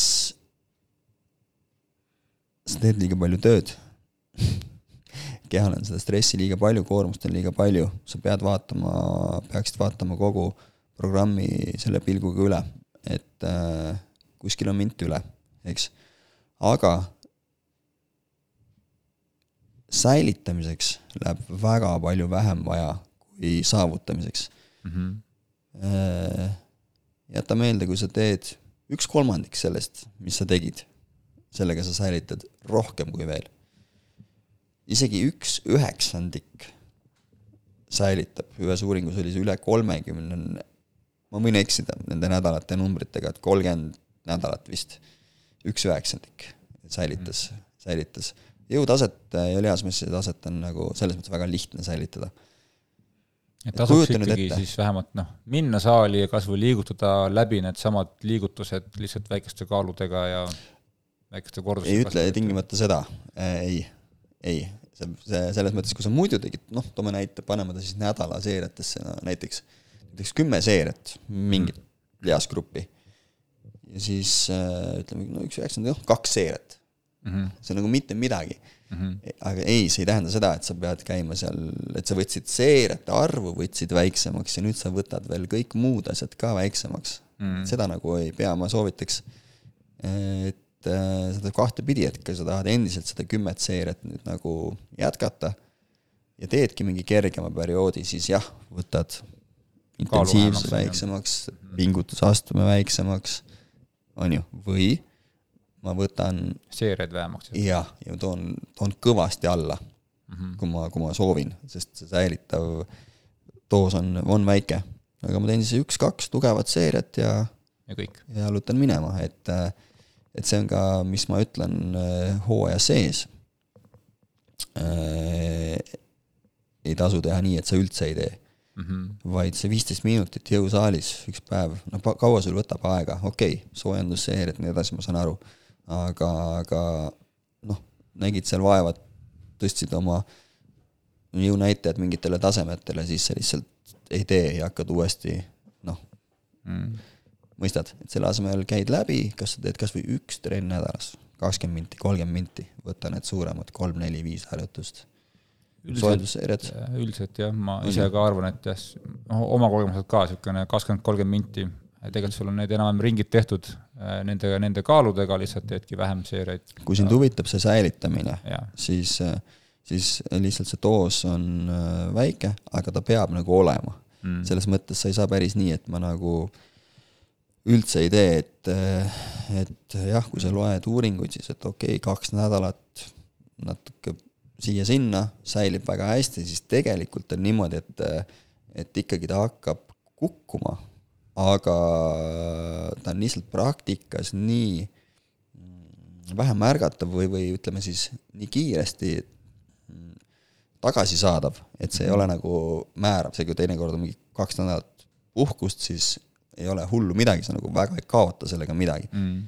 et sa ei pea nagu selle pärast nüüd muretsema, oluline on alustada jälle rahulikult, aga, aga, aga tegelikult see lihasatroofia mingites kiududes hakkab väga kiiresti pihta. me räägime ikka siin päevadest, noh, et mm., et tegelikult, et see organism on kogu aeg pidevas muutumises aga ma arvan jah, nii-öelda hooaja mõttes on see päris hea nagu soovitus praegu, et, et kes on harjunud tall läbi jõusaalis käima, tal on mingi siis kindlad harjutused või kindel kava, et siis ka hooaja jooksul, mis on siis, ma ei tea, meie puhul siis aprillist mais, kui ilmad lähevad soojaks, kuni siis siin septembrini välja, nädalas korra võiks ikkagi kehale sarnaseid koormusi anda, just nagu selle intensiivsuse mõttes, nagu nende kaalude mõttes, on ju, samasid raskusi tõsta, lihtsalt teedki vähem seeriaid korraks nagu annad kehale jälle tunda, et näed, et kõvasti vähem võib olla neid, et äh, ja see sul vähemalt säilitab seda nii-öelda maksimaaljõudlust, on ju, mis ja. sul tõenäoliselt sa oled selle saavutanud. Kevadeks näiteks kätte mingi hea nagu tulemuse, no kui sa midagi ei tee, siis tõenäoliselt juulikuuks on kõik ju põhimõtteliselt läinud, on ju, et või noh, noh, kõik ei ole läinud, aga ta kindlasti ei ole, ei ole enam see, on ju, on juba madalam oluliselt, on ju. täpselt, täpselt, ongi mingi harjutus seal, noh, toon täiesti suvalise näite, et võtad endale, et noh, ma ei lase ennast nõrgemaks kui sajaga viis kordust, saja mhm. kiloga mm. -hmm. käidki, teedki, sa ei nagu ei tahagi juurde mm, -hmm. sa ei mhm. tahagi, noh, see, seal võib RP olla noh, ma ei hakkagi mingit numbrit ütlema, see lihtsalt see viis teed ära mm, -hmm. no võtsid endale mingisugused näidud ja, ja nii-öelda hoiad seda. see on tegelikult päris hea, et see nagu, mis iganes ongi see sajaga viis kordust, kui ma selle ära teen, siis ma ju teen selle ära siis ma teen selle ju ära. täpselt, täpselt, et sa nagu noh, see ongi, ütleme, sul on äh, selles treeningtsüklis on mingid teised asjad, on äh, prioriteetsed mm. -hmm. ja see läheb sul säilitavale koormusele mm, -hmm. säilitavale režiimile, eks. väiksem doos, aga sul on ikkagi mingid noh, mingisugused mm, -hmm. mina vähemalt äh, lähtuksin niimoodi, et on mhm. mingisugused mm -hmm. väärtused, mida ma jah ja kui ma suudan aasta läbi, et ma jõuan ja. septembrisse ja ma teen ikka saja, saja kiloga viis kordust järelikult, siis ma võin hakata, siis ma tean, et mul on see lähtepunkt on sarnane, mis ma kevadel poole lõin, on ju. et ma ei jätaks ära äh, mm. Ja samas ma ei, tingimata ei ajaks neid ka nagu äh, taga samal ajal, kui mul on hoopis treeningperioodi eesmärk äh, mingi muu, eks ju mm. Mm et noh, korvpallis ja profisportlastel seal ka küsimus, et kas nii-öelda mängupäeva raskuste tõstmine on okei okay või ei ole, et, et, et seal on palju artikleid nii-öelda game day mm. lifting. Et äh, jällegi, et arvamused lähevad kaheksa, aga üks on, vaatab suurt pilti, et noh, teine jälle et kui sa ju ei tee, siis sa sellel, selles mängus võib-olla nagu värskem ja parem ja nii edasi ja nii edasi, et siin on omad mm. plussid ja miinused nagu igal asjal, aga eks see natuke sõltub ka, et milline sul see äh, jõutase on, et, äh, et kui sul juba on mingi väga hea põhi, eks ju, siis sul on seal rohkem nagu mänguruumi mm., aga see on hea, et sellest räägida, oleks mul ka küsimus ka olnud, et äh, võtage, et mul on nädalavahetusel on mingi triatloni võistlus, mis päeval võiks olla siis see saja kiloga viis kordust, et ma oleks enam-vähem kindel, et ma nagu väga nagu kandiline pole. kuigi ma arvan, et seda ka ei juhtu, kui ma seda kogu aeg teen, siis seda ei juhtu, et mul üldse midagi, ma üldse midagi tun-, tun-, tunnen erilist. tahtsingi öelda, et äh, võib-olla ei tunnegi midagi. et äh, kui sa teed niisuguse, esiteks seal on pingutusaste on võrdlemisi madal, mis ma ütlesin, on ju, sa ei lähe seal, et nii, lähme sinna RP kaheksa, üheksa juurde, ta on madal, teed ära, see on üks seeria, doos on -hmm. väike. Mm, ka korduste arv on selles mõttes väike, et see viis, äh, see isegi laktaadi kontsentratsioonid ei hakka väga, väga tõusma, et äh, noh, see on väga lühikene, eks ju. et see on tegelikult, ta ei nõua organismilt väga, väga ressurssi ja kui sa oled sellega kogu aeg harjunud, ehk see uudsuse faktor ka puudub, siis äh, võib täiesti olla nii, et sul lihasvalulikkus on absoluutselt null peale sellist trenni, mhm. minul vähemalt on nagu mitte midagi ei ole. täiesti, et äh, et selles mõttes väga-väga raske on sulle öelda, et jällegi, kui tähtis on see võistlus, eks ju, et, et äh, seda vist peab proovima jah, natuke kaugemale, aga, aga, aga kui ta on selline noh, vaata nagu paljudel on, et see ei ole suures plaanis nagu tähtis võistlus, mind praegu on hoopis arendav mm. periood, eks ju, siis noh, sa nagu võiks testida, on ju? jaa, et, et äh, loomulikult, kui ta on sul mingi elu, eluvõistlus või peamine mm. eesmärk, siis ja sa ei ole kunagi veel proovinudki seda ja siis sa teed selle päev enne, et et mm. tõenäoliselt pole kõige targem lähenemine no,, et, et on ju. no ma võtaks siis niipidi, siis ma mm. võtaks selle oma selle nelikümmend kaheksa tundi jälle, et teeme siis kolmapäeval ja siis neljapäev-reede saad muid asju teha, ette valmistada, siis laupäev-pühapäev võistleme, tundub suht safe, et no see muidugi eeldab seda, et ma olen teinud nädalast nädalasse enam-vähem selle ühe ja, trenni ära, on ju, jah, siis ja. ma võiks seda proovida, vastasel juhul tõenäoliselt mitte, on ju. selle su-, suuremahulisemate noh, eriti nüüd need, sul meenub nagu jalatrennid, kus on seal kükid, jalapressid, põlvesirutused seal kümme rohkem seeriat, see nelikümmend kaheksa tundi ei ole piisav, ei ole mm. piisav, et see sõltub ikkagi, ma ütlen, on äh, uuringuid, kus seal on äh, neli-viis päeva ja nii edasi, et see, see sõltub, äh, see sõltub doosist ja, ja kui uudne see oli. kui inimene mm. pole mitte midagi teinud, me võime ta ikka no, niimoodi lihaskahjustust tekitada, et äh, no vot, siin on kohe mul järgmine küsimus äh, siia saate lõpupoole juba, et äh, mul on mingi teema äh, jõutõmbega, sest ma olen alati pärast seda räigelt vigane, et äh, alles siin paar nädalat tagasi ka tegin, noh, loomulikult minu viga ongi siis see, et ma ei teinud seda nädalast, noh, nädalasse on ju, vaid ma jällegi üle pika aja äh, pärast Tallinna Ironmani läksin jõusaali, niisugune kümmekond päeva pärast vist on ju, kõik oli, Ironmanist olin ära taastunud, kõik oli fine, läksin, mõtlesin, et lähen teen kõik niisuguse üldkehalise mingi kava, mis ma tavaliselt teen, ja ma ka olen suhteliselt nagu konservatiivne, ma tean, et kui ma teen oma tavapäraste raskustega ja kolm seeriat, siis ma olen vigane pärast seda, sest ma tean, et okei okay,, ma nüüd pole käinud mõnda aega, ma nüüd teen kaks seeriat ainult, teen kordusi ka mingi alla kümne, et lihtsalt nagu ärataks selle keha natuke ülesse siis enamik keha saab sellega väga hästi hakkama, kõik käteosad, kõik saab väga hästi hakkama, mingit probleemi väga pole, aga kui ma kohe selle jõutõmbe sinna sisse toon või toon ka selle, inglise keeles on see good morning, kus ma siis istun pingi peal ja kangun õlgadel, lasen seda ette painutust, on ju, et niisugune veits nagu safe im variant, on ju. Siis ikkagi see tagareis mul on valulik äh, ja nagu sa ütlesidki, et noh, nelikümmend kaheksa tundi ja kindlasti veel üks nelikümmend kaheksa tundi, et ta on ikka päris nagu, ta on ikka päris pikalt väga-väga äh, hell.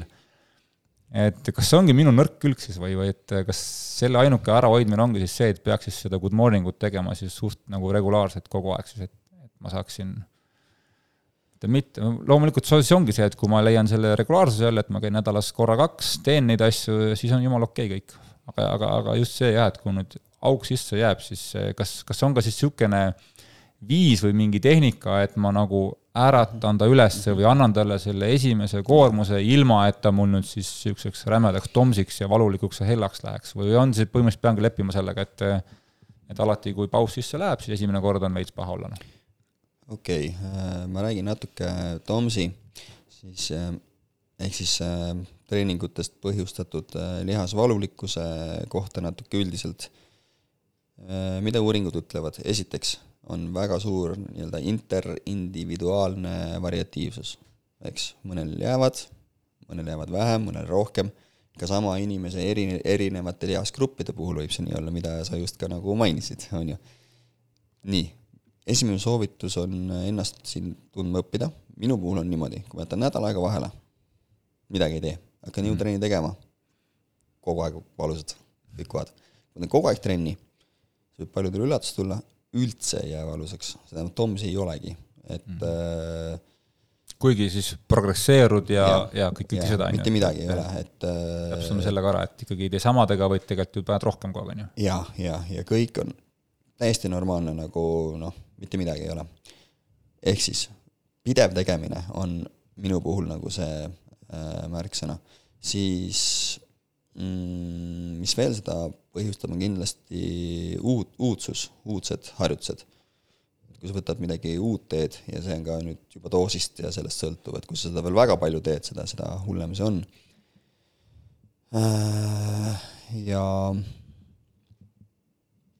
ja see ei ole, TOMS iseenesest ei ole vajalik ei lihasmassi kasvuks, ei jõuarenguks, ta ei ole vajalik, et ta on lihtsalt selline kaasas, kaasnev, ütleme, ütleme nähtus ja kuidas seda vähendada, ongi see, et teha kogu aeg äh, stabiilselt samu asju, progresseeruda rahulikult, mõistlikult, mitte teha pause ja kui juhtub need pausid tulema, siis alustada väikse doosiga, mida sa võid kirja panna endale, võib-olla oled kuulnud, repeated bout effect, oled kuulnud? Pärast kirjutada sulle repeated bout effect, et põhimõtteliselt, kui sa teed ükskord liigutuse läbi, siis see juba märkimisväärselt vähendab selle lihasvalulikkuse teket järgmisel korral. ehk siis äh, sinu puhul ma oleksin selle esimese treeningu, noh, sa tegid küll kaks seeriat, mis oli selles mõttes õige tegu, et sa vähemaks, aga, aga veel rohkem nii-öelda võimlemiseks teinud selle treeningu mm. -hmm. ehk sõna otseses mõttes võimled, võimled läbi, needsamad liigutused, siis selle efekti toel oleks järgmine treening sellest juba oluliselt mm -hmm. mõnusam, oluliselt mõnusam. ehk siis äh, piisab võib-olla ühest seeriast ja veel madalama RPE-ga. Et täiesti selline sissejuhatav, sissejuhatav võimlev treening. et eriti, kui sa tead, et sul on tendents mingitel lihastel mingite harjutustega nii jääda, et noh, ühesõnaga siin on see enda tundmine. tundma õppimine ja et, et mingite lihastega sa võid öelda, et kuule, et ma ei tea, mis iganes teha, on ju. et kindlasti iga inimene, kes on vähegi teinud, saab sellest aru, millest me räägime. aga jah, et, et tegelikult see valulikkus va,, valulikkus või, või see, see ei ole, ei ole vajalik meile. pigem, pigem on hea, kui seda oleks vähem. Samamoodi lihaskahjustusega, et kui varem arvati, et lihaskahjustus on see, mida nagu kui ma kahjustan lihaseid, siis need mikrorebandid noh, kõik taastub ja nii edasi, siis see ei ole päris, päris õige, et see lihaskahjustus tegelikult ei ole lihasmassi kasv, et sinna ei saa võrdusmärki vahele panna. et üks on lihtsalt kahjude, kahjude taastamine, nimetame nii, teine on nagu uue ehitamine, et need on erinevad asjad ja mida rohkem seda põhjustad kahjustust, seda vähem ressurssi on sul uue ehitamiseks. et mistõttu jällegi, see väsimuse manageerimine ja kolmik intensiivsus, maht, sagedus muutub nagu väga, väga oluliseks. ja palju trenni oskavad nagu paljud teha. tugevalt trenni oskavad võib-olla ka paljud teha. kõige hullem variant on teha mõlemat korraga, palju ja tugevalt, et et ära väsitada on lihtne, ära lihast kahjustada on lihtne, et kunst oleks seda teha nii, et areneda aga hoida need kõik nii-öelda kontrolli all, lihaskahjustus, lihasvalulikkus, eks ju, kiirem su taastumine. jah, on sul õigus, et kui, kohe, kui ma selle ära tegin, ega siis ju mu kogu elu äh, oli ju korraks nagu pausi peal mingi kolm-neli päeva, et ma ei saanud ka muid asju väga teha mugavalt, on ju, et äh, rattasõitki oli ebamugav, sest et no seal, seal ka valutas, on ju, igal, igal, pool valutas, on ju. ma mõtlen sellest nagu järgmine treening, kui, millal sa tegid uuesti selle sama treeningu jõutrenni? jaa, kas sa tegid selle sama harjutuse, tegid sa nädala pärast peale või? no ma tegin seda tõenäoliselt siis, kui läks juba nagu oluliselt paremaks, noh, ehk siis see vahe võis päris suur olla. Ja kuidas üle siis viie oli? päeva, siis oli okei okay.. just, ehk seesama repeated bout efekt mm. nii-öelda toimis, see on mingisugune selline, sa võid lugeda selle efekti kohta Mm. mm., miks see täpselt nii, nii on ja nii edasi, et seal on erinevaid teooriaid, ei osata öelda, aga just see, et eriti kui sa võtad mingi uue kava või, või mingi asja, mida sa ei ole kaua teinud, siis alati mm. minu soovitus on, tee selline, ma nimetan seda võimlemiseks, et sa mm. nagu võimled Selle uue kava kava jah. läbi või, või et kas või siis jah, teinekord võtta siis, võtan kas või mingi kümnese ketta lihtsalt endale, ma ei tea, sülle ja teen paar ettepainutust ja kõik. ja rohkem ei tee jaa, see võib tunduda paljudele siin imelik, aga üks seeria mm,. juba, võib-olla, juba jaa, aitab nii palju. jaa, jaa, jaa, et äh, noh, sa pead natuke ennast äh, tundma siin, et äh, noh, see repeat bout efekt, ma olen midagi taolist äh, lugenud ka Tomsi kohta, et, et see, et kui sul see ühekordne Toms tekib, ütleme siis minu puhul see tagaraie valulikkus ja hellus, on ju, et see annab, ma nüüd ei mäleta neid päevade arvu, annab siis teatud päevade arvuks niisuguse nagu kuulikindluse, et kui sa nüüd sama kaaluga teed uuesti, siis mitte midagi ei juhtu, on ju. et siis kohati ongi nagu rumal oodata liiga palju, et ma nüüd ootan täpselt kümme päeva, teen uuesti, jälle valud ja siis jälle valus, jälle valus, et see, et see, et see, see nagu see järgmise koormusega peaks tegelikult varem sisse tulema, et siis sa tegelikult avastad, et aa, polegi valus, on ju.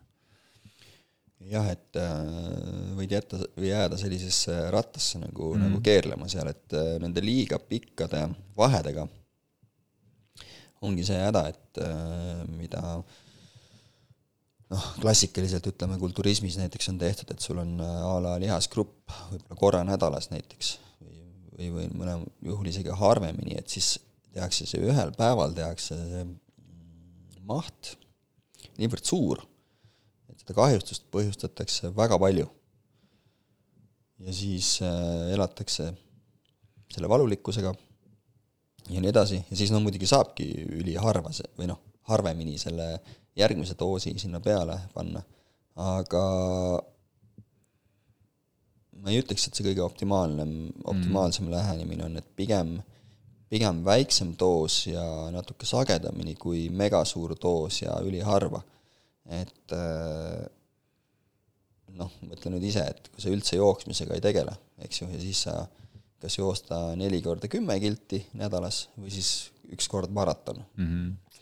Et äh, pigem joosta neli korda, neli korda kümme, et äh, nojah, sa praegu vastasid ära selle küsimuse, mida minu käest tihti küsitakse, et, et eh, kuidas maratoniks treenida, et noh, nii ongi tegelikult, et eh, mida regulaarsem ja vähem sa teed, seda parem lõpuks on sulle, et eh, mida rohkem on neid eh, ootamatuid koormuse, suuri koormuseid, vahet ei ole, kas ta on siis kilomeetrites või minutites, on ju, seda, seda ohtlikum see nagu tegevus on lõpuks. jõutreeningus on täpselt samamoodi, et, et mida rahulikum see on, kõõluste ainevahetus ja see kogu, kogu ütleme, parandus ja kõik see on oluliselt aeglasem kui lihaskoel.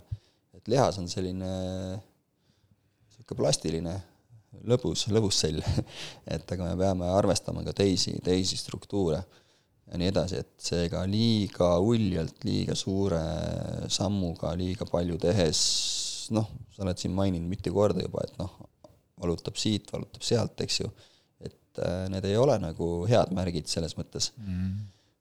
et äh, neid äh, tuleks natukene ennetada ja ütleme, teadlikumalt äh, treenida saate lõppu või viimane, viimane küsimus, viimane teemaarendus, kui see eelnev jutt veel ei pannud sind mõtlema selle peale, et peaks jõusaali minema ja raskusi tõstma, just nagu raskusi tõstma ja raskeid raskusi tõstma, siis mis on kasutegur jõutreeningul seoses vananemisega, mida me kahjuks kõik läbi elame? See on võib-olla need kõige nagu suuremad äh, need efektid või et, et elada oma siis elu ütleme siis täisväärtuslikumalt kuni surmani, kui suurt rolli seal see jõutrenn mängib? jah, et sarkopeenia ehk siis lihasmassi vähenemine, see paratamatult tabab, äh, mida vanemaks sa saad, seda nii-öelda kiiremini või suurema protsendiga see juhtuma hakkab, seega lihasmassi säilitamise seisukohast ainuüksi, ei räägi siin juurde saamisest, eks ju, on jõutreening väga-väga vajalik ja samamoodi luude tugev, tugevnemine, et äh, kui vanemas eas kukkumised, äh, luumurrud, luude haprus, kõik see suureneb, siis jällegi jõutreening on see, mis aitab selle vastu. Äh, lisaks hakkab lihasjõud, võimsus hakkavad vähenema, jällegi jõutreening aitab selle vastu. Mm, see on üldse sellise vitaalsuse ja, ja elukvaliteedi poole pealt ülitähtis tegevus, et äh, lihasmassi saab suurendada noh, on seitsmekümneaastatel uuringuid, kaheksakümne, üheksakümne, isegi sajaaastastel on, äh, on tehtud uuringuid ja, ja, ja lihasmass äh, areneb, et sellega ei ole kunagi liiga, liiga hilja alustada. Mm. Mis veel nüüd nagu välja sest olen ka seda kuulnud, et, et, et lihas, jah, et just nagu lihaste areng on vaatamata vanusele suht sarnane. Et, ei loegi nagu, kui ma, kui vana ma olen, siis nagu see nii-öelda baastasemes see kasv, mis iganes ma tegema hakkan, alati on suhteliselt nagu sarnane, et see on sarnane jah, lihtsalt. et ei saaks nagu öelda, et ma olen nüüd viiskümmend, ma enam, mis ma ikka enam teen, vaata, et ei, see tänapäeval see viiskümmend, see, seda kindlasti, see on noor inimene et ütleme, seal vaadatakse kuskil kuuskümmend viis pluss, me saame hakata, hakata rääkima nii-öelda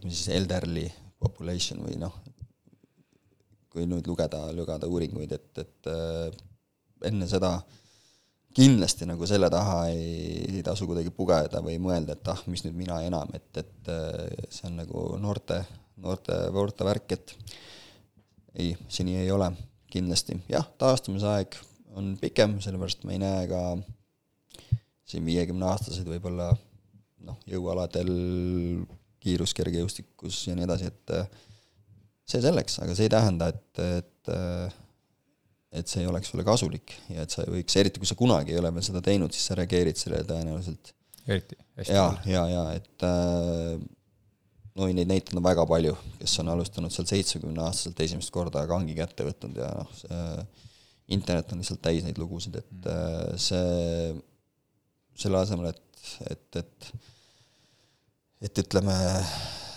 olla selline endaga mitte hakkama saav ja, ja siit valutab ja sealt ja ja kohmakas ja küürus, et, et selle vastu tõsiselt äh, aitab, jõutreening lihtsalt üks tähtsamaid komponente, kindlasti võiks ka muid aktiivseid tegevusi teha, aga, aga jah, see on just see, et millele ma nagu ennekõike selle rõhu, rõhu paneksin. Ja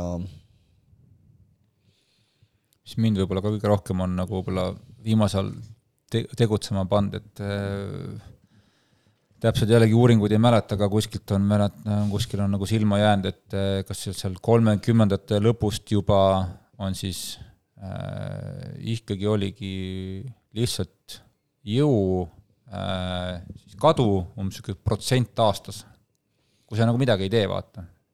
et, äh, et see tegelikult on päris suur number nagu, et et, et selle nagu säilitamiseks peaks ikka nagu midagi tegema hakkama, noh jah, vaata, äh, ma ei oska neid numbreid sulle peast öelda. ma, ma tean, et mul on kõik need äh, nii-öelda, ma nimetan, et mul on folderites mm -hmm. teadmised olemas, aga kuna ma iga päev jah, seda nii-öelda ei räägi, siis ma ei oska sulle praegu peast öelda, aga jah, et see on umbes, kui sa oled äh, haiglavoodis näiteks mm, -hmm. kui mhm. palju läheb, läheb äh, alakehast lihasmass ja see jõu vähenemine, et, et äh, need protsendid on ka väga, väga suured, ühesõnaga meil võib lihtsalt elus tulla mingisugune olukord ette kõigil, kus me oleme sunnitud olema noh, vanemast peast näiteks mingi aeg võib-olla haiglavoodis, et sa teaksid, et see, mida kõrgem on sul lihasmassi jõu baastase, eks ju mm, -hmm. sa küll kukud, aga sa ei kuku nii alla mm, -hmm. kui, kui võib-olla inimene, kes juba on äh, väga ütleme, palju madalamal tasemel. et seega ka selle peale tasub mõelda, et et see alanemine jah, hakkab seal umbes nelikümmend eluaastat jälle, pluss-miinus, et, et äh, mina ütleks jah, et sa vist mainisid ennem ka, et mida vanemaks sa saad, seda tähtsamaks see läheb, ma olen, ma ise kasutan ka seda, seda päris palju, et ja võtame kas või siis, kas või mingi triatloni mõtteski, et kes siin on nagu juba siis nii-öelda seeniorite, veteranklassides, siis ongi see, et tahad oma rattavõimsust nagu säilitada, siis ja. ega loodus töötab sinu vastu, et ja, ähm, ja okei okay,, seal on see nii-öelda jõud kaob sul, ütleme siis, lähme seda teed, et oligi siis protsent aastas, on ju, seal kaob ka võib-olla mingi äh, siis maksimaalne hapniku nagu ta-, tarbimisvõime, aga lõpuks see isegi võib-olla pikemate triatloni puhul polegi nii tähtis vaata, see maksimaalhapniku tarbimine, et ta lõpuks on tähtsam ikkagi see jõu pool, et kas sa jõuad vändata või mitte, on ju, kui sul jõu pool ära kaob, siis ähm, aja, ajad hakkavad ikkagi kukkuma päris kiiresti, noh.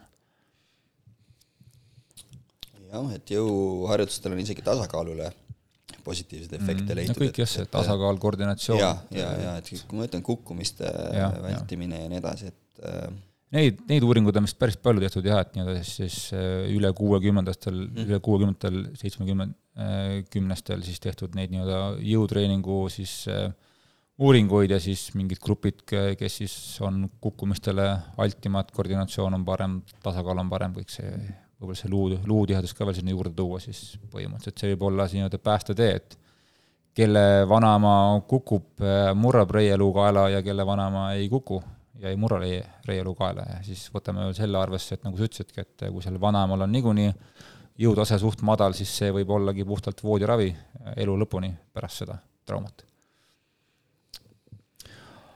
aga okei okay., minu rekordosa, tund viiskümmend, mul varasem rekord oli tund vist nelikümmend, et kümne mintsiga panime üle selle.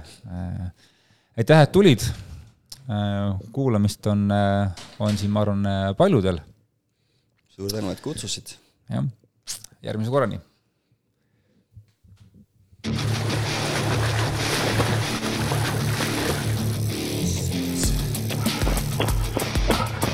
Savise mulju peseb pats on okei okay.. no jaa, kuule, jõle piinlik on, tule maha ära. homme jõuad puhata